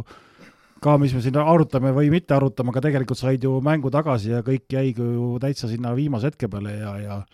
kas või seesama Ogre kaotus VEF-ile, noh, nagu me ütlesime, siin oli, minu arust olid nad juba kuuega pealt ja suutsid ikka ära anda veel, et oleks võinud üllatada ju seal juba kohe, eks ju, et, et nalja oleks võinud saada, aga, aga finaal oli täitsa väga hea tasemega ja ja, ja pole midagi öelda, et tõesti, tõesti oli hea vaadata. nii, aga Eesti-Läti liiga kolmas hooaeg siis on riiulis, palju õnne Kalev Cramole, kes siis selle kolmanda hooaja hooaja ära võitis, loodetavasti asi järgmisel hooajal jätkub, sest et äh, selgelt intrigeerivam, kui ma kordan veel kord siin omavahel kuus vooru mängida ja et kuulajatele ka väike info, et kaks tšempionit on välja mängitud, kaks erinevat võistkonda, Ventspils ja Kalev Cramo on siis võitjad ja ka treener on üks. ja siin saage, saage ikkagi üllatab, üllatab edaspidi ka meil väga teraste faktidega. igatahes liigume siit edasi, läks pikaks, aga, aga ma arvan, et oli põhjust ja, ja jätkame siit Euroliiga juttudega korvpalli Euroliiga kuumimad teemad aitab mängumeestel teieni tuua Eesti Kütusepank, Terminal Oil. eelmisel nädalal sai Euroliigas mängitud selle hooaja viimane põhiturniiri voor, mis siis loksutas paika seitse play-off'i pääsenud meeskonda ja võib öelda siis, et täna õhtul, esmaspäeval saab selgeks ka viimane kaheksas edasipääseja, kui Peterburi seniit on ära jäänud kohtumises võõrustamas Ateena Panathinaikost. võidu korral on edasi seniit, kes sel juhul kohtub veerandfinaalseerias Barcelonaga. Kaotuse korral pääseb viimasena väljalangemismängudele hispaanlaste Valencia. enne kui tuleme meile teadaolevate play-off paaride juurde, siis siis küsin teilt mehelt sellise küsimuse, et kelle pääsemine või mittepääsemine play-off'i valmistas teile sel hooajal kõige suurema üllatuse? no võiks ikkagi öelda, et äh, Bayern ja ega kui, kui see niit ka veel saab, siis on tegelikult ikkagi kaks sellist, keda nagu hooaja alguses nagu ikkagi ei osanud väga arvata, et äh, see niit äh, alustas bravuurikalt, aga kui viimase mängu võidavad, siis öelda, võib öelda, et pidas kogu selle hooaja vastu. Bayern noh, väga tubli ja me lootsime, et üks Saksa võistkond saab, et ja, ja no mis siin salata, kui isegi ka Valencia saab seniidi asemel, ega siis see on ka üllatus, et äh, see, see ei pruugi veel läbi olla, et pidu alles, pidu alles käib, aga aga jah, siin oli huvitavaid asju ja lõpuks nagu ikkagi oligi siin, et äh, tähtsamad mängud Milano Efes, et Milano igal juhul hambad ristis tahtis võita, et koduväljaku eelist säilitada ja kuna, kuna Bayern võitis Barsat, siis äh, neil oli igal juhul seda võitu vaja ja panid Efesile päris korralikku nätakat, et noh, vaatame, kas Efes nüüd siis kosub sellest või ei kosu, aga, aga paarid päris huvitavad, et kui ette loed, siis saame edasi minna ja et ma terve selle mängu mõtlesin seal ja vaatasin seda tabelit, kui Partsa ja, ja Bayern mängis ja, ja seal oli jutud, et teisest kuni kaheksanda kohani on neil võimalik kukkuda vist oli või oli neljandast või mingi niisugune jauramine käis ja mõtlesin, et no mida kuradit, sellel Bayernil on vaja seda mängu võita siis, et, et aga nüüd lõpuks ikkagi ma arvan, et sai päris huvitava vastase endale ja no Bayern tegi hea mängu, et et siin noh, Partsal oli kohe näha, et neil oli nagu ükskõik ja Jassikevitš oli jälle mingi salakäik ja, ja siin andis mingitele meestele, no Pau Gasol tegi ju debüüdi, et äh, jubedalt võttis ette, aga ära ei lahendanud. no kui me võtame selle põhiturniiri veel kokku, siin küll mõned mängud on nagu öeldud äh, pidamata, siis äh, tegelikult ikka maru äge Euroliiga põhiturniiri hooaeg pärast üle üle eelviimast nii-öelda kolmekümne teist vooru kindlustas siis edasipääsu Barcelona eelviimases voorus äh, veel viis meeskonda ja koguni kolm meeskonda lõpetavad sel hooajal vähemalt viiekümneprotsendilise võiduprotsendiga, aga ei pääse play-off'i. et ikka müstiline hooaeg tegelikult, müstiliselt tasavägine hooaeg. noh, kindlasti on meie sõbrad Imkist äh, seda vett segamas, kes äh, said oluliselt vähem võite, kui nad oleks pidanud ja see oleks selle protsendi nagu vähe allapoole viinud, aga jah, vanasti öeldi, et kui NBA-s viiekümnega lõpetad, siis oled kindlasti play-off'is sees, aga tuleb välja, et, et Euroliigas viiekümnega ei, ei küündi, et äh, midagi pole öelda, tõesti väga huvitavad mängud ja, ja ikkagi taktikaliselt äh, palju erinevaid nüansse ja, ja ja tõesti on, mida vaadata ja ma arvan, et paarid said ka täpselt sellised kokku, et äh, et siin läheb veel huvitav edasi jaa, et siin äh, ma muidugi, sa küsisid äh, üllatavaid ja ütleme, negatiivseid võistkondi, ma hakkasin mingi oma teemat jaurama, et siis äh, üllatavad võistkonnad tõesti oli mul samamoodi Bayern ja hetkel Zeniit, et võistkonnad, mis põlesid ja mida ma nagu lootsin nagu paremat, on võib-olla Olümpiakos ja Maccabi, et nende esitlusest oleks nagu rohkem lootnud. No ma arvan, et me küll loeme need paarid täna ette, aga ma arvan, et me mehed lepime nii kokku, et kuna veerandfinaalid algavad alles siis äh, siis äh, järgmise nädala, järgmise nädala nii-öelda keskelt, siis äh, me teeme väiksed eelvaated ja ennustused just nimelt järgmise nädala saates siis vahetult enne neid seeriaid, aga aga olgu siis öeldud, Barcelona esimene kohtub siis nagu Kristo ütles juba kas Zenidi või Valenciaga, CSKA läheb kokku äh, teisena siis seitsmenda kohaga ehk siis Fenerbahcega kolmas paar Anadolu Efes Real Madrid ja võib-olla et kõige tasavägisem paar äh, Milano neljanda asetusega. Nende vastu tuleb siis tänavune, võib öelda, et kõige suurem üllataja Bayern. no paneme siis vähe jälle klatši niisama, et, et Venemaal suured artiklid, kuidas, kuidas Barcelona ja Jassikevitsust CSKA-le ilusti ära joonistas, et et kui Barcelona oleks selle mängu võitnud, siis CSKA ei oleks Fenerbahcega paari saanud, aga aga, aga et äh, vandenõuteooriad või? vandenõuteooriad jah, et aga näed, Fenerbahcega kokku ja kõik muidugi kiidavad tegelikult Fenerbahce teise äh, hooaja teise poole mänge ja tegelikult nende resultaat on päris muljetavaldav ja ja, ja no mida Venemaal kardetakse, on see, et tuleb Nando De Colo oma endise klubi vastu ja hakkab näitama, mida ta oskab ja et ma siin äh, kõige põnevam paar, nagu sa ütlesid, Milano Bayern, siis ma ei näe siin äh, CSKA Fenerbahce paaris ka mitte midagi ebapõnevat, et äh, need on tsatsid, keda saab murda, no FS Real idee järgi, Real, kes on nüüd pooltühjaks jooksnud, et Gabriel Teki kaotanud, et nendel võib olla keeruline, aga noh, samas mine sa tea, Kolja Tavares ja minu sõber Laprovitola ju viimases otsustavas mängus ikkagi esines päris võimsalt ja, ja kusjuures äh, FS-i kartmatu peatreener Ergin Ataman ütles välja siis sellise asja pärast Milanole kaotatud mängu, et äh, ainsana ei oleks ta tahtnud mängida play-off'i Fenerbahcega, et äh, et kui me võrdleme, kui bravuurikas on Ataman olnud, siis noh, järelikult Fenerbahce ikkagi CSKA jaoks saab olema ilmselt päris ebamugav vastane no,. No, kui Veseli muidugi on rivis. no peaks olema, öeldakse juba, et on kindlasti, et, et Üpekaga ei lähe nii kaua aega ja aga noh, võtame siit klatsi edasi, et, et Real oli siin uudis tuli, et, et äh, Pierre Henry äh, Baskooniast, äh, keda ka CSKA jahtis, võeti ära Fournier NBA-st, Prantsuse mängija, juba leping tehtud ja on väga sihivad. Poirier, mitte Fournier. Poirier, jah. täpsuse huvides. ja väga õige, tuleb kõik täpselt kirja panna ja välja öelda. Ja jahivad Nikola Kalinitšit, et äh, tuli välja, et Nikola Kalinitšil on võimalik äh, turule minna, kui on ahvatlev pakkumine ja, ja ja selline uudis ka jooksis läbi, et, et arvatavasti see hakkab juhtuma. no joh, ei tea, seal on siis ju äh, Pierre Henry, äh, Toma Hertel ka siis Reali, Poirier ja Kalinitš ja siin räägiti, et varsti kolmekümne kaheksaseks saav Carroll plaanib ka veel ühe hooaja mängida. Carroll ei lubanud mängida, aga ma arvan, Laproitola läheb ära, et, et äh, noh, mingid muutused teevad ja Gabriel Tekk ju alles just läks ära, nii et. Äh, no Kristo, Real saab Kristo lemmikmeeskonnaks siis ju, Tekk ma... läheb ära, Laprovitola läheb ära. Pole kellestki rääkida yeah Mm, jah, siis me hakkame NBA võtma, sest Tekk hakkab NBA-s lammutama, aga, aga eks siin tulevad äh, kindlasti, et see koroona on siin neid kaarte seganud ja siin mõndadel on äh, mõrudad äh, viinamarjad, aga nagu me teame, ega seal eriti Reali ja Partsa puhul koputavad sinna jalgpalliklubi uksele ja ütlevad, kuule, kakskümmend milli oleks vaja, et meil jälle kümnega miinuses. Ja nüüd kakskümmend, pole hullu, et meil siin ühe nädala palga siis meestel kärbime korraks, et et siin äh, kindlasti tuleb äh, Euroliiga ebahuvitavaks ei lähe, ma olen selles enam kui kindel ja neid rahasid kuskilt ikka leitakse. aga natuke fakte ka siis, äh, kahekümne seitsme aastane Vincent Poirier siis tuleb Philadelphia Seventy Sixersist, kümme mängu, vaid keskmiselt neli minutit, nii et NBA-s ei õnnestunud, aga on Euroliigas mänginud hooajal seitseteist kuni üheksateist, siis mäletame teda Baskonia ridadest, Gabriel Tekk kolmeaastase lepinguga NBA-sse Oklahoma City Thunderisse väljastusumma mehed üks koma viis miljonit, aga samas Real kohe sealt viissada tuhat käib eh, Pierre Henry eest välja siis eh, Baskooniale. nii et rahad liiguvad, rahad, liiguvad. liiguvad ja, ja, ja noh, see näitab seda, et äh, ühed lähevad, teised tulevad, tegelikult võistkonnad juba valmistavad, sellest me rääkisime siin ka paar saadet juba ennem, et, et et ei ole veel see, et mängud alles kestavad, vaid tegelikult vaadatakse juba kaugemale ja ka Salgeris on siin paar nime välja öelnud ja äh, ja, ja Maccabi on siin juba nimesid välja öelnud, nii et äh, ettevalmistused käivad täiel rindel. ja siin ülemineku summadest rääkides äh, ei julge sada protsenti väita, võib-olla see on kõnes, aga linna pealt kuulsin, et Kuksi seest maksti ka raha, et Ogresse läheb, nii et ega see ka päris tasuta ei läinud ja tundub, et Ogre pani õigesse kohta rahad, et äh, mees ju tegi Final Sixi päris võimsa aga kui Priit juba Žalgirise juurde tuli, siis paar uudist sealt ka. ma ei tea, kas te sellist meest kuulnudki olete, kahekümne kuue aastane ameeriklane Ismail Wainwright siis hetkel Strasbourgis Prantsusmaa kõrgliigas mängiv ameeriklane on sõlmimas Žalgirisega, kui juba ei ole sõlminud ja võib-olla suurem uudis on see, et kolmekümne kuue aastane Jankunas ei plaani kaugeltki mitte veel lõpetada, vaid töötab Žalgirisega ikkagi uue lepingu alal. no sina, Priit, kindlasti Jankunast tead veidi paremini kui meie.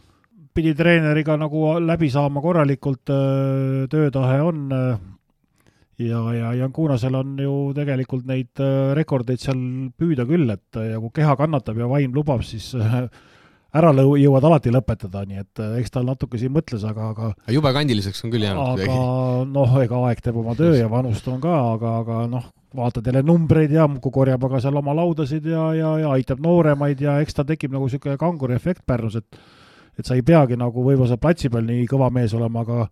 riideruumis on asjad korras ja, ja see on treeneri jaoks ka väga tähtis. ja, ja kõige huvitavam Jankunase juures sellel hooaja teisel poolel on see, et äh, kui põhivennad hakkama ei saa, siis ju mehe minutid aina tõusid ja tegid korralikke mänge siin teises, teises pooles. aga kui sa, Priit, juba klatsi siin panema hakkasid, siis äh,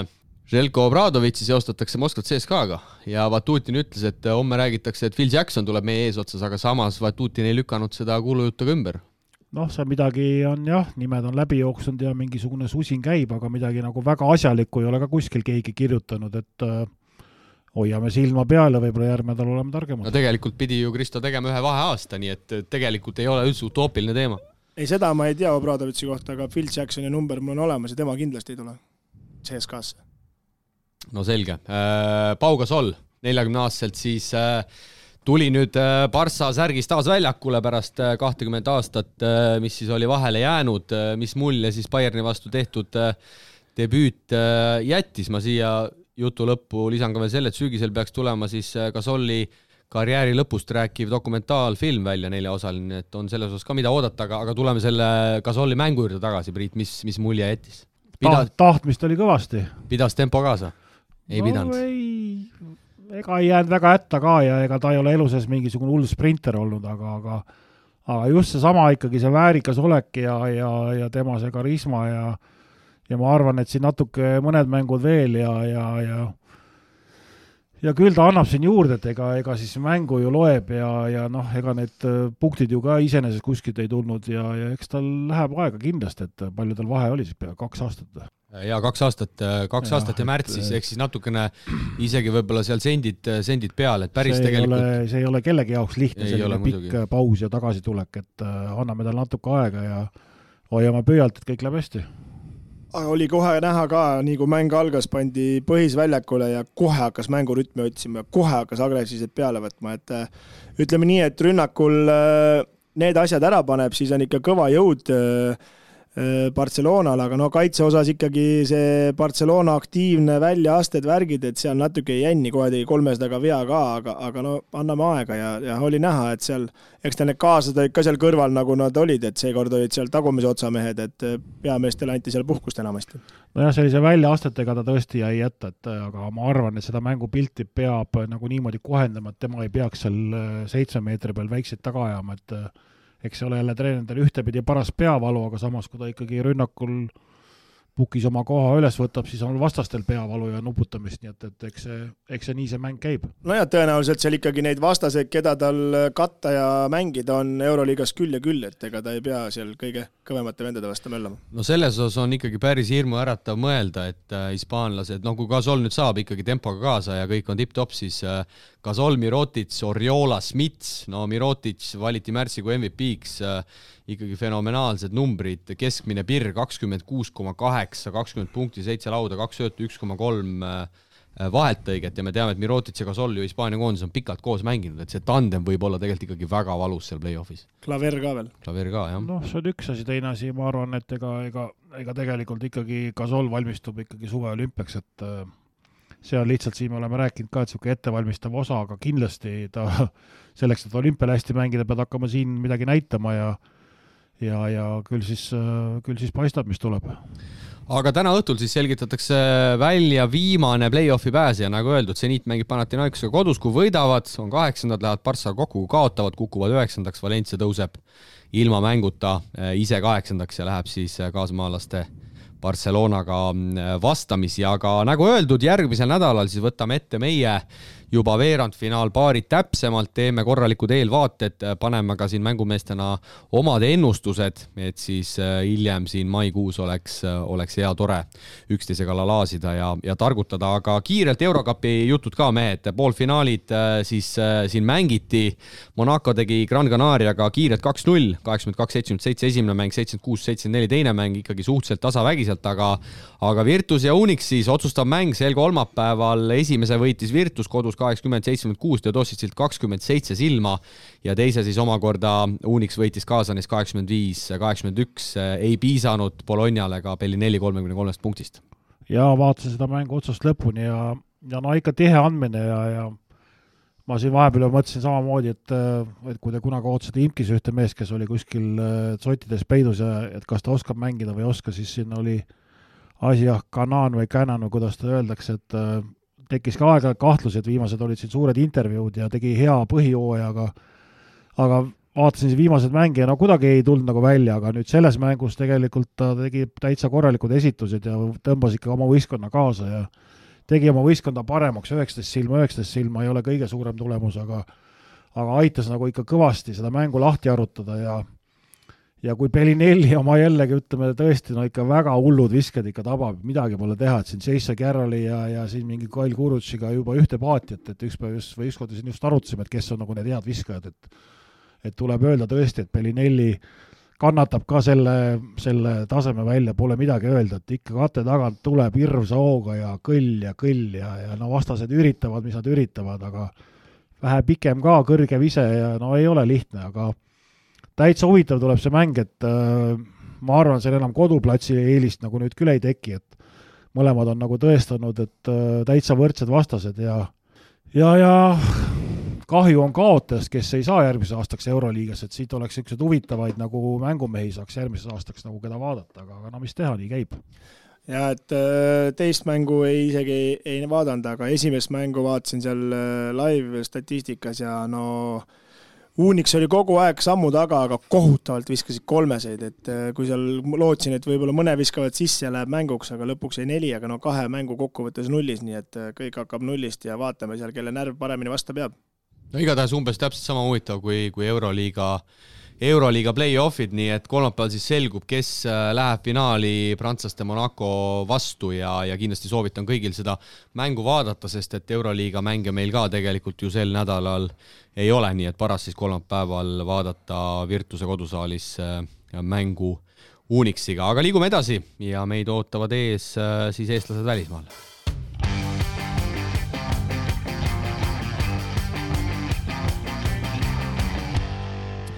tänases Eestlased välismaa rubriigis oleme jällegi võtnud kõne kaugele Ameerikasse, kus on äh, lõpetanud äh, hooaja ja võib öelda, et vägagi eduka hooaja üliõpilasliigas äh, kahekümne ühe aastane Tartust pärit Johanna-Eliise Teder. no Johanna, suurepärane hooaeg tegelikult ju jõudsite märtsi hullusele, kaotasite seal küll esimeses ringis South Floridale viiskümmend kolm, viiskümmend seitse. kuidas sa võib-olla seda kogemust iseloomustaksite, iseloomustaksid sellel turniiril üldse, üldse osaleda? Tere kõigepealt teilegi um,. kogemus iseenesest oli väga uh,, väga pinge, et uh, see oli meie programmi jaoks siis uh, esimene märtsi hullusele saamine kolmekümne aasta jooksul ja väga uhke oli seal üldse uh, kooli esindada, nii et väga palju saab kaasa võtta sellest kogemusest ja sul endal tegelikult ju õnnestus ka see ainus mäng seal turniiril väga hästi, sa olid üks võistkonna parimaid kuueteistkümne punkti kuue lauapalliga ja üldse see hooaja teine pool on sul läinud ikkagi väga korralikult ülesmäge, et võib-olla analüüsi põgusalt oma tänavust hooaega ka isiklikus plaanis. ja võib, võib nii ka öelda, et äh, võttis kauem aega, et äh, kohaneda siin selle tiimi ja mängustiiliga. Ja uus tiim on selles suhtes alati raskem äh, raskem kohaneda, et äh, viimane kaks kuu või kaks läks selles suhtes, tundsin ennast enesekindlamalt ja üldse tundsin, et äh, suurem vastutus on enda peal, et julgesin rohkem ette võtta. et kas see tasemevahe ikkagi on niivõrd suur siit Eestist minnes äh, Ameerikaga või, või milles niisugune ebakindlus endas tekkis? võib, võib küll öelda, aga rohkem vast iseendast, et mul läheb võtan kauem aega, et äh, kohaneda nii treenerite kui, kui teiste mängijatega. no kes seal äh, sinu positsiooni peal nagu, palju sul neid vastaseid siis nii-öelda oma võistkonnas oli kõigepealt, et, et jõuame va teiste vastasteni ka, aga et elus on ikka olelusvõitlus, et äh, mitu tükki sa selja taha pidid siis jätma, et, et korralikke mänge tegema hakata um,? ütleks, et ise olin kõige suurem vastane endale, aga eks oma positsioonil on ikka kaks-kolm mängijat. sain selles suhtes äh, äh, alustada iga mäng see hooaeg, et äh, selles suhtes usaldus oli treeneritelt olemas, aga pidi rohkem iseendasse, ma arvan, vaatama aga kui sa nüüd vaatad nagu vastasvõistkondade omasid, et kuidas siis seal see pilt on võrreldes teie kooliga, et okei okay,, te saite sinna märtsihullusele peale, aga aga kas selle sinu liini peal on siis nagu väga tihe seis või kuidas sa seda ülikoolide värki vaatad seal? Ja tase on ses, ses suhtes ikka kõva ja meie konverents on nagu teada selles suhtes äh, äh, ma ei oskagi öelda äh, kõva konkurentsi poolest, et meil on siin, ise olen katnud väga-väga tugevaid mängijaid ja võib küll öelda, et palju konkurentsi. okei okay,, aga vaatame nüüd edasi, mis sa ütlesid, kolmkümmend aastat te polnud sinna peale saanud või? Et äh, kuidas teie võistkond siis nagu järgmiseks aastaks paistab, et kas lahkujaid on palju ja kas uusi tulijaid on palju või või millisesse seisu te sinu hinnangul jääte nagu nüüd peale seda hooaega? meil jääb suhteliselt sama võistkond, kes meil on see aasta, et äh, meil põhipoint guard näiteks tuleb tagasi ja meil on suhteliselt sama sats. aga kuna see aasta me saime ränkitud siis kaheteistkümnendaks võistkonnaks meie konverentsis ehk siis viimaseks, siis äh, ma ei tea, kuidas järgmine aasta on, et arvatavasti inimesed äh, usuvad meisse, ma arvan, rohkem kui eelneval hooajal. No olgu siis kõikidele kuulajatele ka öeldud, et sa mängisid siis Washington, Washington State'i ülikoolis ja, ja kusjuures Golden State Warriors siis mängib Clay Thompson on ka sama ülikooli lõpetanud ja ja pärast seda teie kaotusmängu seal märtsi hullusel pani ta just sinu keskpositsiooni viskest sotsiaalmeediasse ühe video üles, et et kui eriline selline asi sinu jaoks individuaalses plaanis oli? eks see ikka eriline oli ja ma ei oleks seda oodanud. ma ei usu, et ta nüüd äh, meelega pani täpselt minust selle video, et lihtsalt äh, äh, promoda meie tiimi, aga jah, selles suhtes väga vinge oli näha seda. oli sul peale Washingtoni teisi huvilisi ka, oli variante kuskile mujale ka minna? jaa, äh, ses suhtes, kuna kõik see pandeemia ja värki algas, siis äh, äh, koolide valik oli üpriski raske ja ma pidin kõik tegema siis äh, arvuti teel. aga sain, sain umbes kolmkümmend pakkumist, enamus olid küll äh, siis madalamast tasemest ja mõned kõrgemalt, aga tuli ikka päris korralik number neid. oled sa hetkel oma valikuga rahul, kui nüüd tagasi vaadata või, või kuidas sulle endal tundub? jaa, olen küll. ma arvan, et ma olen, äh, ma olen väga rahul olnud siin ses suhtes, kui raske see koolivalik oli, kuna ma ei näinud äh, ei tiimi, ei treenereid, ei kooli seda paika ega midagi, ehk siis sellega olen väga rahul. valisin õige koha. et me oleme siin Gergriisaga rääkinud, et kuidas sinu päev välja näeb, et temal alustab äh, hommikul mingi jõusaaliga, siis kool, no hetkel muidugi Covidi tõttu vist õpid sina ka kodus, et, äh, et kuidas sinu päev välja näeb? üpriski sarnane, et äh, me teeme tavaliselt jõusaali siis pärast tiimitreeninguid või individuaaltreeninguid. eks see post-season on natuke erinev, meil ei ole nii palju tunde äh,, treeningtunde, aga, aga hooajasiseselt oli ja tegime tavaliselt kaks või kolm korda nädalas, isegi, isegi mängunädalal tegime siis jõusaali päris tihti no teil on Johanna eesotsas äh, väga kuulus äh, treener, viiekümne kuue aastane Keimi Etheridge. Äh, tead sa ise üldse, mis saavutusi ta mängijana on, on korda viinud? jaa, päris tihti tuleb äh, jutuks, mis ta kõik teinud on ja isegi kui äh, käisime Texases, siis äh, märtsi hullusel mängisime tema siis kodusaalis. oleks küll tahtnud võidu tema jaoks saada, aga läks seekord nii, aga jah, väga uhke tunne oli ja kordan siis kuulajatele ka üle, et mängujuhina Johanna treener üheksakümne kaheksanda aasta suveolümpiakuld siis Soulis nagu ka Tiit Sokk ja valiti aastal kaks tuhat kaks kuulsustalli. millist mängustiili üldse viljeleb teie, teie peatreener, et kuhu see peamine, peamine rõhk nendel põhinüanssidel läheb? suhteliselt vaba mängustiiliga, et ta üritab kõiki kaasata, kõiki viis, viit mängijat platsil ja tark, ta on väga tark treener, et annab head nõu ja nii ja palju sul, palju sul siis kooli seal veel, no hooaeg on läbi, aga, aga ülikool veel ilmselt kestab, olete e-õppel või, või millal sa, millal sa plaanid koju liikuda? saad sa üldse Eestisse? ja, loodan, et sel aastal saan, aga oleme e-õppel kuni mai alguseni ja aprilli lõpus lastakse meil koju lennata, et saame eksami nädalaks koju. et sel aastal niimoodi, muidu kui oleks äh, klassi või noh, näost näkku nii-öelda siis õppimine, siis äh, ei saaks nii varakult. no selge, Johanna, aga me ei hoia sind äh, me ei hoia sind pikemalt kinni, äh, lõpeta siis kenasti kool ära ja, ja jääme sind siia, siia Eestisse suveks siis, äh, siis ootama, nii et kõike, kõike head sulle! edu! edu ja jaksu!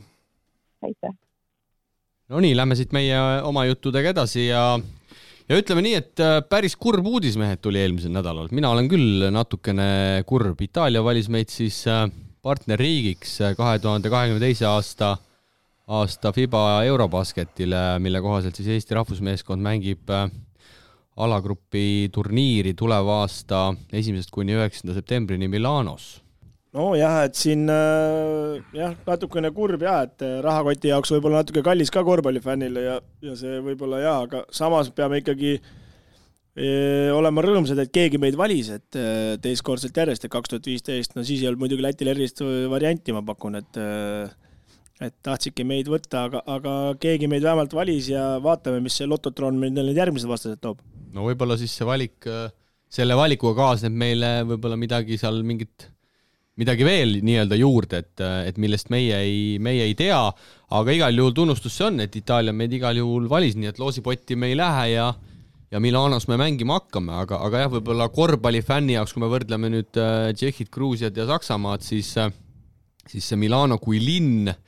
ja muu seal siis ei ole võib-olla kõige atraktiivsem ja noh, Põhja-Itaalia ikkagi rahakotile, nagu sa, Kristo, mainisid, on ka ikkagi päris korralik põnts no ei ole häda midagi. no Priidul on raha palju. Itaalia on ikkagi korvpallimaa ja, ja, ja kui me võrdleme nende teiste maadega, siis äh, seal on nagu, seal on nagu seda taset, ma arvan, ikkagi kõige rohkem ja, ja, ja küll, küll muud asjad saab ka paika, nii et äh, et äh, ja nagu me eelmine saade rääkisime, et siis ikka huvitav vaadata, et kuhu me jõuame siis oma võistkonnaga nagu nii-öelda nende, nende nagu ütleme, päris võistkonna vastu, et, et hea võrdlusmoment meie noortele no Priidu jutus siin kuvab, et äh, Siim-Sander Venel on Vareses korter ja sealt kui kuuskümmend kilti Milanosse, et minna või mingi elamine, et äh, no sätime kaasa, Kristo. ei no kuidagi peame jah, vaatame sinna, paneme sinna Kreisleri, paneme ma... Kreisleri bussi ennast vaikselt peitu ja tuleb Milanos välja. ma ikkagi lootsin, et äh, liinibussiga Tšehhi oleks odavalt läbi saanud, aga nüüd tuleb hakata genereerima no ma ise mõtlesin, et rekkaga Saksa, et mingi koorma ikka saame, et üks mahub peale ka, et paneme koos minema, aga Milanosse vist rekkaga, no saab ka, et hakkame töötlema. no tegelikult oleks olnud tipp-topp, oleks sinu rekkaga läinud kõigepealt äh, Tšehhi vaatama alagruppi ja siis oleks pannud rekkaga sealt otse Saksamaale play-off'i ka veel vaatama. no ongi, kui kuskil oleks ikka parkida saanud, ööbimine ka tasuta ju. Yeah. no aga nüüd on vastupidi, tuleb kõigepealt Itaaliasse, siis tagasi Saksamaale, vaatad seal play-off'e ja siis hakkad kodu poole tulema, et äh, no proovime logistika paika, jaa, proovime logistika paika saada, aga, aga ei, äh, no anname endast kõik, et sinna turniirile kuidagi saada ja et äh, aga vaatame. ja, ja siia nalja kõrval veel olgu siis öeldud, et Saksamaa võttis siis Leedu, Tšehhi võttis Poola ja nagu Priit mainis, Gruusia võttis ikkagi Türgi, mitte Iisraeli, nagu me siin äh, spekuleerisime ja ja loosimine siis äh, kordame ka veel kord üle kahekümne üheksandal aprillil Berliinis ja algab see siis kell üks ja seda näeb FIBA Youtube'i ja, ja Facebooki vahendusel, nii et saame siis teada äh, veidi vähem kui kolme nädala pärast, kellega me siis lisaks Itaaliale alagrupis äh, mängima hakkame, aga põrutame siit hooga edasi ja, ja Nordeidi küsimusmäng ootab meid ees. Nordeidi küsimusmängu toob teieni D-vitamiini sprei, millest koguni üheksakümmend viis protsenti vitamiini imendub suu limaskesta kaudu otse rakku. järjekordne Nordeidi küsimusmängu nädal läbi, sedakorda neljateistkümnes ning meiega on liitunud taas mälumängu ekspert Jaan Allik. tere, Jaan! no tere! No kõigepealt õnnitlen muidugi siis eh, Kalev Cramot, kes siin oma ajaloo suurima saavutuseni vist jõudis eh, mõned tunnid tagasi, aga me läheme mängu juurde kohe. Eh, eelmise korra küsimus vist meeldis inimestele, sest ma vaatasin, et õigeid vastajaid ja üldse vastajaid oli üle viiekümne. nii palju vist polegi meil olnud, Siim, paranda mind, kui ma eksin. sul ilmselt on täitsa õigus, ma sada protsenti ei kinnita, aga, aga jääme su sõnu uskuma. jah, ja ainult üks neist vastas, vastas valesti nii et äh, sina kui siis äh, tänane päevakangelane äh, pead ütlema ühe numbri meile siin siis ütleme nii, et ühest viiekümne neljani. no ütleme viisteist. number viisteist on meil oo naisterahvas, Ragne Sõmermaa ja ta on vastanud täiesti õieti, kirjutanud siia perekonnanimeks Sikma, nimelt õige vastus oli meil siis jah, Sikma Eh, poeg Luke Sigma mängib siis Berliini Albas ja isa Jack oli siis NBA-s eh, peamiselt Seattle'is eh, selline ikka noh, legendaarne tegija. vaadake ta videosid ja väga äge mängumees oli. aga mis puudutab siis ta poega, siis mina tema mängu vaadates mul tuleb kohe meelde umbes see, kuidas Kristjan Kangur praegu mängib Pärnu eest, otsitakse rohkem nagu söötu ja ja üldse niisugune noh, suht sarnane mängustiil neil või mis teie mehed arvate? olete ka ju halvasti andnud, nagu ma aru olen saanud siin no ta on ikka kontserte ka teinud, et ega ei saa päris ainult söödumeistriks. jah, aga ma vaatan, et topis ikka on pidevalt mõne sihuke briljantse, sihukese ägeda sööduga. no viimased kaks, viimased kaks korda on Kotsarilt tuppa saanud, et ega ta mingi eriline täht ei ole. ei, ma just vaatasin seda ka kusjuures, et, et Sigma vaatas nagu tunnustavalt, kuidas Maik selle äh, tagaukse asja ära seal lahendas. nii, aga lähme järgmise korra küsimuse juurde. absoluutselt, anna kuuma, Jaan, aga nii, ja järgmine küsimus siis äh, mälumängu huvilistele. Kuna siis korvpallinädal kulmineerus meil Lätis Riias, siis küsin üht kunagist Läti meistrit korvpallis, kes on tulnud lisaks Lätile veel kolme Euroopa riigi meistriteks äh,. kusjuures kahe riigi meistriks tulles oli ta meeskonnakaaslaseks ka eestlane. lisaks on ta ka kahekordne Euroliiga tšempion ja tema auhinnakogusse kuulub ka Euroopa meistrivõistluste kuldmedal. lisavihjeks, kuigi küsimus on niigi väga lihtne minu jaoks käesoleval aastal on tema osalusel üks lätlane ka välja vahetatud. nimetage see omaaegne Läti meister korvpallis, palun. no ütleme nii, et Pärnu on mind ka täiesti tühjaks tõmmanud, et praegu seda vastust ei tea, et uurime järgi muuseas, ma ennetan juba ilmselt siin neid kuulaja küsimusi ja küsin, no mis te arvate siis sellest, kas lätlased said hakkama selle teleülekandega või ei saanud hakkama teleülekandega? Kahjuks peame, kahjuks peame tõdema, et ei saanud ja meil on ka lisainfo, et seal oli kuus kaamerat, ei olnud mingi robotkaamera peal, et ikka täitsa mööda pandud. see oli ikka totaalne, see oli kohutav, kõik see noh, vahepeal ju jooksis teie jutt kaks korda seal mõned, kui sa ikka mingi edevamat illu panid, siis kohe lasti kaks korda seda järjest igaks juhuks ja no võib juhtuda, et ma ükskord elus rääkisin tarka juttu, et operaator pani topelt käima selle jutuga, see on väike no, tõenäosus ja ma ei tea, lätlased ilmselt arvasid, nad saavad sinust aru, eks, mida sa räägid, eks ole, ilmselt, aga noh, nad vaatasid, et nüüd ütles midagi edevat, et eh, kordame igaks juhuks. aga jah, edu teile! no nii, nii et äh, ikkagi väga, väga tihe voor oli meil Nordeidis, eh, kui viiekümne kolmest vastusest koguni viiskümmend kaks oli, oli õiget, ehk siis protsent väga kõrge, loodetavasti Jaani selle nädala küsimus on, on veidi raskem, tihedam ja, ja tuleb ikkagi ka rohkem äh, ajusid, ajusid ragistada, aga lähme siit siis äh, tänase saate viimase äh, rubriigi juurde, mis nagu ikka traditsiooniliselt Poolsi kuulajate küsimusest. kuulaja küsimus mängule paneb õla alla Poolsi, parima valikuga ketsipood Eestis. tutvu valikuga www.poolsi.eu koostöös Ballsi ning äh, Team Spiritiga siis ellu kutsutud kuulajate küsimuste rubriik lõpetab tavapäraselt tänase saate ning ees ootavad kolm meie heade kuulajate kõrgetasemelist küsimust, milledest meie trio valib siis välja mängumeeste T-särgi uue omaniku ja, ja esimene küsija on Raul, tere mängumehed! varasemas osas oli jutt Euroliiga U kaheksateist turniirist ja sealt meeste Euroliigasse jõudmisest. vaatasin üle viimase nelja-viie aasta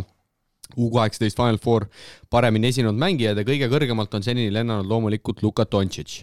NBA-sse on jõudnud veel grusiin Goga Bitadze, Iisraelist Deni Avidja ning horvaat Luka Šamanic. euroliiga nimekirjades teenivad oma minuteid hispaanlane Usman Garuba Realis ja serblased Alexa Radanov ja Boris Asimanic Zverna Zvezdas. ma ei tea, kui täpselt austatud saatetegijad mainitud noorte mängijate tegemistega kursis on, aga kogu selle taustainformatsiooni põhjal ka minu küsimus, kuigi Veesaar ja Kuusma on alles väga noored mängijad ja välja toodud nimedega kindlasti võrrelda neid veel ei saa, siis milline võiks olla nende mängijate potentsiaal liigade mõistes, kas mängustiililt kindlalt Euroopa Euroliiga või võiks nendel meestel olla asja ka teisele poole ookeani? no need nimed, mis välja toodud, on tegelikult need on väga ikkagi tuntud nimed ja nendele ikka hoitakse silma peal ja ja, ja kes vähegi korvpalli ja Euroliigat jälgib, siis äh, need on nagu kõik teada, et, et selles nagu midagi uut ei ole. noh, küsimus on selles mõttes raske, et tegelikult Veesaar ja Kuusma käisid äh, aasta vanemate vahel mängimas. ja, ja nende õige aeg tuleb tegelikult äh, järgmisel hooajal, kas nad siis peale saavad või ei saa, see juba on nagu ennustamise küsimus hästi raske nagu, nagu öelda, sellepärast et äh, suvi jäi vahele ja, ja ega me, ega me ei ole ju neid ju näinud nüüd tükk aega ja, ja, ja seal ka ühtepidi nagu selline üllatus, et mida nad siis nagu noortekoondises nagu suudavad. punkt üks, punkt kaks on see, et, et noh, me võime siin ennustada, kas nad sobivad mängustiililt ühte kohta või teise kohta. tegelikult on ju ikkagi küsimus nendes endis, et mida nad oma elus tahavad saada ja, ja ja millal nad siis midagi tegema hakkavad, et äh, niisugune hästi-hästi nagu raske küsimus, aga, aga no me võime siin heietada, et äh, et äh, esimene asi kindlasti on mõlema puhul on ikkagi kehaliselt võimekad, võimekamaks peavad ennast treima, et Veesaarel eriti pikk maa minna minu arust ja, ja ja Kaspar Kuusmaal omad nüansid, mida ta peab arendama ja siis saab edasi vaadata jah, et siin ennustada on päris raske ja, ja vaatasin seda turniiri ka, et Kuusma küll peale ei saanud, aga nagu Priit ütles, et üks aasta on veel mõlemal minna ja no midagi on need mehed igatahes õieti teinud, et nad sinna üldse turniirile nii noorena peale said ja Veesaar sai oma mingid minutid kätte ka ja no Real Madridi ja ka selle Itaalia klubi äh, süsteemid ei ole kindlasti nõrgad, et äh, midagi nad peavad hästi tegema, kas nad lõpuks sealt midagi välja koorub, seda on raske ennustada, et äh, kui mehed tööd teevad, siis tõenäoliselt kindlasti mingil tasemel mängija tuleb, kas see on Euroliiga või Euroopa, seda meil ju muidugi Eestist on palju unistada, et meil neid väga palju tulnud ei ole ajaloos no ühte me võime vist, Priit, öelda, et äh, mõlemad mehed on väga heades programmides, Veesaar siis lausa Real Madridis ja ja Noor Kuusmaa itaallaste Stella Azuras, et mõlemad äh, nii-öelda klubid äh, akadeemiad on, on väga korralikud ja, ja sealt annab ehitada tegelikult. ma arvan küll, sellepärast et äh, sinna Euroliigasse igaüks ju peale ei saa ja nemad on sellega, need klubid on ennast tõestanud ja ja selle üle on ainult hea meel, et meil sellised äh, noored kuskil tahavad edasi pürgida, aga miks ma nendest äh, kehalistest ja füüsilistest võimetest rääkisin, siis needsamad nimed, mis siin küsimuses välja on toodud, nendel meestel on ikkagi ju korralikud raamid, raamid olemas ja see on nagu selline nii-öelda siis eesmärk või siht või, või, või, või märk, et millisena sa saad nagu läbi lüüa ja milline sa pead olema, et üldse asi kuskilt nagu algaks, et äh, selle nimel tulebki tööd teha, et sellepärast sai nagu need kehalised, kehalised võime, võimekused välja toodud. No ja nendel meestel on muidugi pilt korralikult ees ka nendest asjadest, et vaatasin seda finaalmängu ka ja oleme ausad, seal ikkagi äh, mehed, kes äh, Eesti koondise vastu Itaaliat esindasid, põrutasid seal Kuusma satsis ja, ja oli ka seal hispaanlaste poolel ikkagi päris korralikud atleedid kohal, et iga päev nendega treenida ja, ja näha, kuhu on vaja jõuda või mis teha, et neist mööda minna, et see on kõva asi liigume edasi, küsimus number kaks, Taavi küsib, no veidi võib-olla kordab siin eelnevaid küsimusi, aga, aga ei ole hullu, kõik, kes meilt ikkagi vähegi asjalikku küsimusi küsivad, me loeme need ette. tere, mängumehed, head kraami teete, pole midagi halba öelda. tekkis küsimus NBA kohta, tean, et teie väga ei naudi NBA korvpalli ja paljud teised ka lisaks räägitakse, et NBA mehed tulevad Euroopasse, siis ei tee nad siin suurt midagi, aga alati, kui USA koondis pannakse vähemalt B-tasemel kokku, loputavad nad kõiki, millest tuleb vahe? ma usun, et kui panna kokku seeriat ühte mängu mängima NBA meister versus Euroliiga meister, siis NBA poisid tulevad välja võiduga. mis on äh, teie arvamus? no ma kõigepealt äh, ütleks ilmselt seda, et äh, et räägitakse, et NBA mehed tulevad Euroopasse ja, ja siin nad midagi väga suurt ei tee, noh, ma ei tea, kas seda päris nüüd nii nii saab öelda, eelmises siin saates küll ma mainisin, et Dino Radja, NBA legend, ütles, et, et kui Westbrook panna siin Euroliiga satsi, siis ta kindlasti ei, ei juhiks selle Euroliiga äh, võitjaks, et võib-olla sealt äh, hakati kinni, seda me kindlasti päris võib-olla selles kontekstis, äh, kontekstis ei mõelnud. see teine asi, et kui pannakse B-tasemel kokku, loputavad nad kõiki, no no viimane mm näitas midagi muud, okei okay,, see võib-olla ei olnud päris B-tasemel ka, see oli selline CD, aga no ei loputatud seal kaugeltki mitte kõiki. USA ju lausa jäi seal tühjade näppudega no nii paraku on jah, et et tulevad siia Euroopasse ja saavad mõned võidud võib-olla kuni sinnamaani, kui mängud hakkavad nagu päris võitude peale käima, et, et need kontrollmängud ja mingisugused vahemängud, need lähevad hästi, nad mängivad oma stiilis, viskavad julgelt peale, ühte asja peab NBA kohta ikkagi ütlema, et, et, et noh, et kuna seisud on ikkagi sada kakskümmend, sada kolmkümmend, siis tee, mis sa tahad, nad vajutavad kümme korda rohkem ülevalt, kui on euro, Euroliigas näiteks, ütleme, ruumi on rohkem, see mäng on tehtud nii, et, et tulemus tuleks, aga nad ikkagi peavad sisse ka viskama, et, et ega ega naljalt ikkagi need mehed, kes koondises saavad vabadelt kohtadelt väga palju mööda ei viska, kuni sinnamaani, kui hakkavad õiged mängud pihta. ja paraku ma olen viimaste aastate USA koondist näinud ka, et kui mängud hakkavad nii-öelda nagu päris võitude peale ja alagrupist on kuskilt edasi vaja saada ja play-off'i hakkad jõudma, vaat siis hakkavad millegipärast visked ka mööda minema ja ja mis, mis nagu selle NBA meeste või ameeriklaste näiteks kahjuks räägib, on see, et, et noh, viimasel ajal on Euroliigasse toodud ka ju igasugused tsentrid siin proovitakse ja räägitakse, et ta NBA-s on midagi teinud ja mõned aastad siin mänginud, aga paraku, kui neid mänge vaatad siin Euroliigas, siis nad saavad hakkama siis, kui neil on ruumi ja keegi neid ei suru. nii nagu hakkab mingisugune surve, organiseeritud kaitse, lennatakse kahekesi peale, siis enamus mehi on ikkagi hädas et äh, noh, nii stiilid on nii erinevad, jälle me oleme sellest ka palju rääkinud ja ja tänu sellele, tänu sellele, et usakad ei, ei võida nii hästi, et, et noh, kui me ikkagi võtame siin päris algused aega, siis et kui, kui meil ikkagi Larry Bird ja, ja Mike, äh, Michael Jordan olid äh, satsis, need olid juba nii ehk nii, nii suured meistrid, et nende vastu oli kindlasti raskem, aga nii nagu meistrid lahjemaks jäävad, siis on teistel maailmajagudel nende vastu lihtsam mängida jah, et siin päris põhjalik analüüs Priidilt, aga väga palju polegi lisada, võib-olla lihtsalt ise mõndas NBA mänge vaadates, siis äh, see intensiivsus on nii, nii suur lihtsalt seal võrreldes selle Euroopaga ja ütleme, rünnakul tehtavad äh, eksimused karistatakse kiirelt, ega seal ju enamus aja jookstakse ikkagi poolkiireid ja ülevalt alla niisuguseid äh, ülekaalu olukordades ja see mäng tõmmatakse nii laiali, et äh, Euroopas surutakse seda rohkem kokku ja taktikat on nagu rohkem, et äh, kindlasti NBA-s on ka taktika, aga, aga nii palju täpselt aru ei saa sellest. aga selles osas me vist Taavile kindlasti vastu ei vaidle, et et kui panna seeriat või ühte mängu mängima NBA meister versus Euroliiga meister, siis äh, tänasel päeval ikkagi NBA mehed äh, riisuvad koore, midagi pole öelda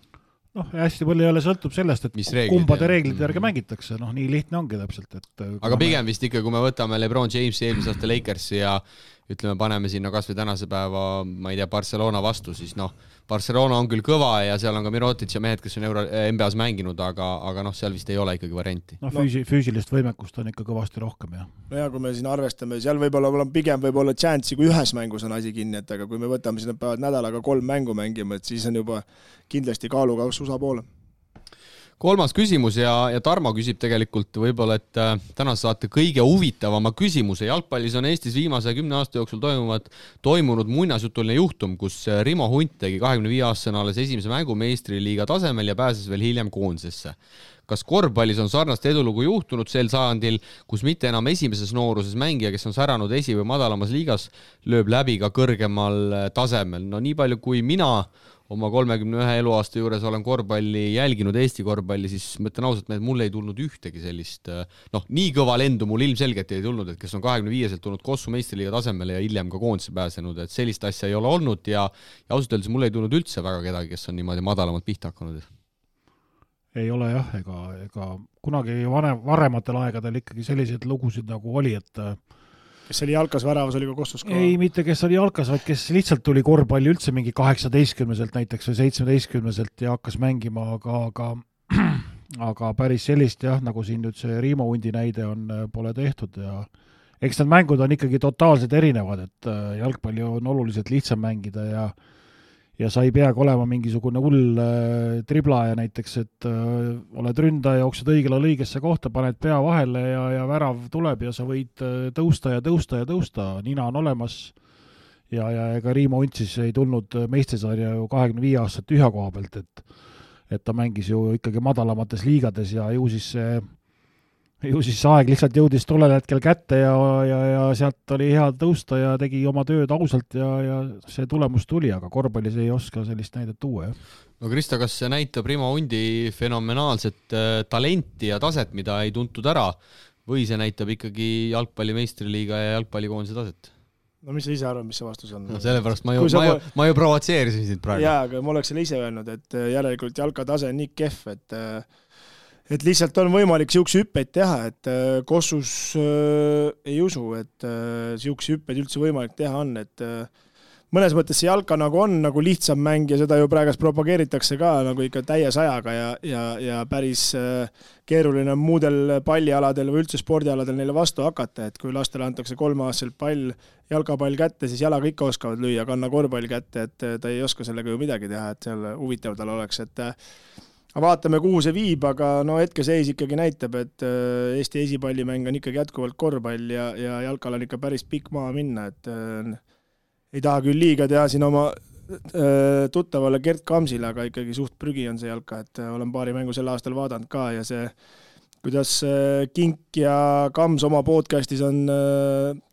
teinud niisugused äh, promotööd, et niisugune mulje jääb, nagu Barcelona oleks äh, Paide ja, ja, ja Juventus oleks äh, Levadia, aga noh, reaalsus järgi ei jõua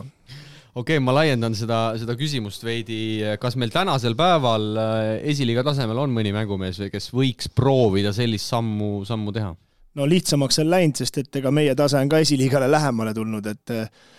et siin võtta kolm-neli aastat tagasi, siis niisugust varianti pole, et no ilmselgelt näitab Meerits, mis ta eesnimi oli, Marko või? Rauno Meerits. Rauno Meerits, jah, Rauno Meeritsa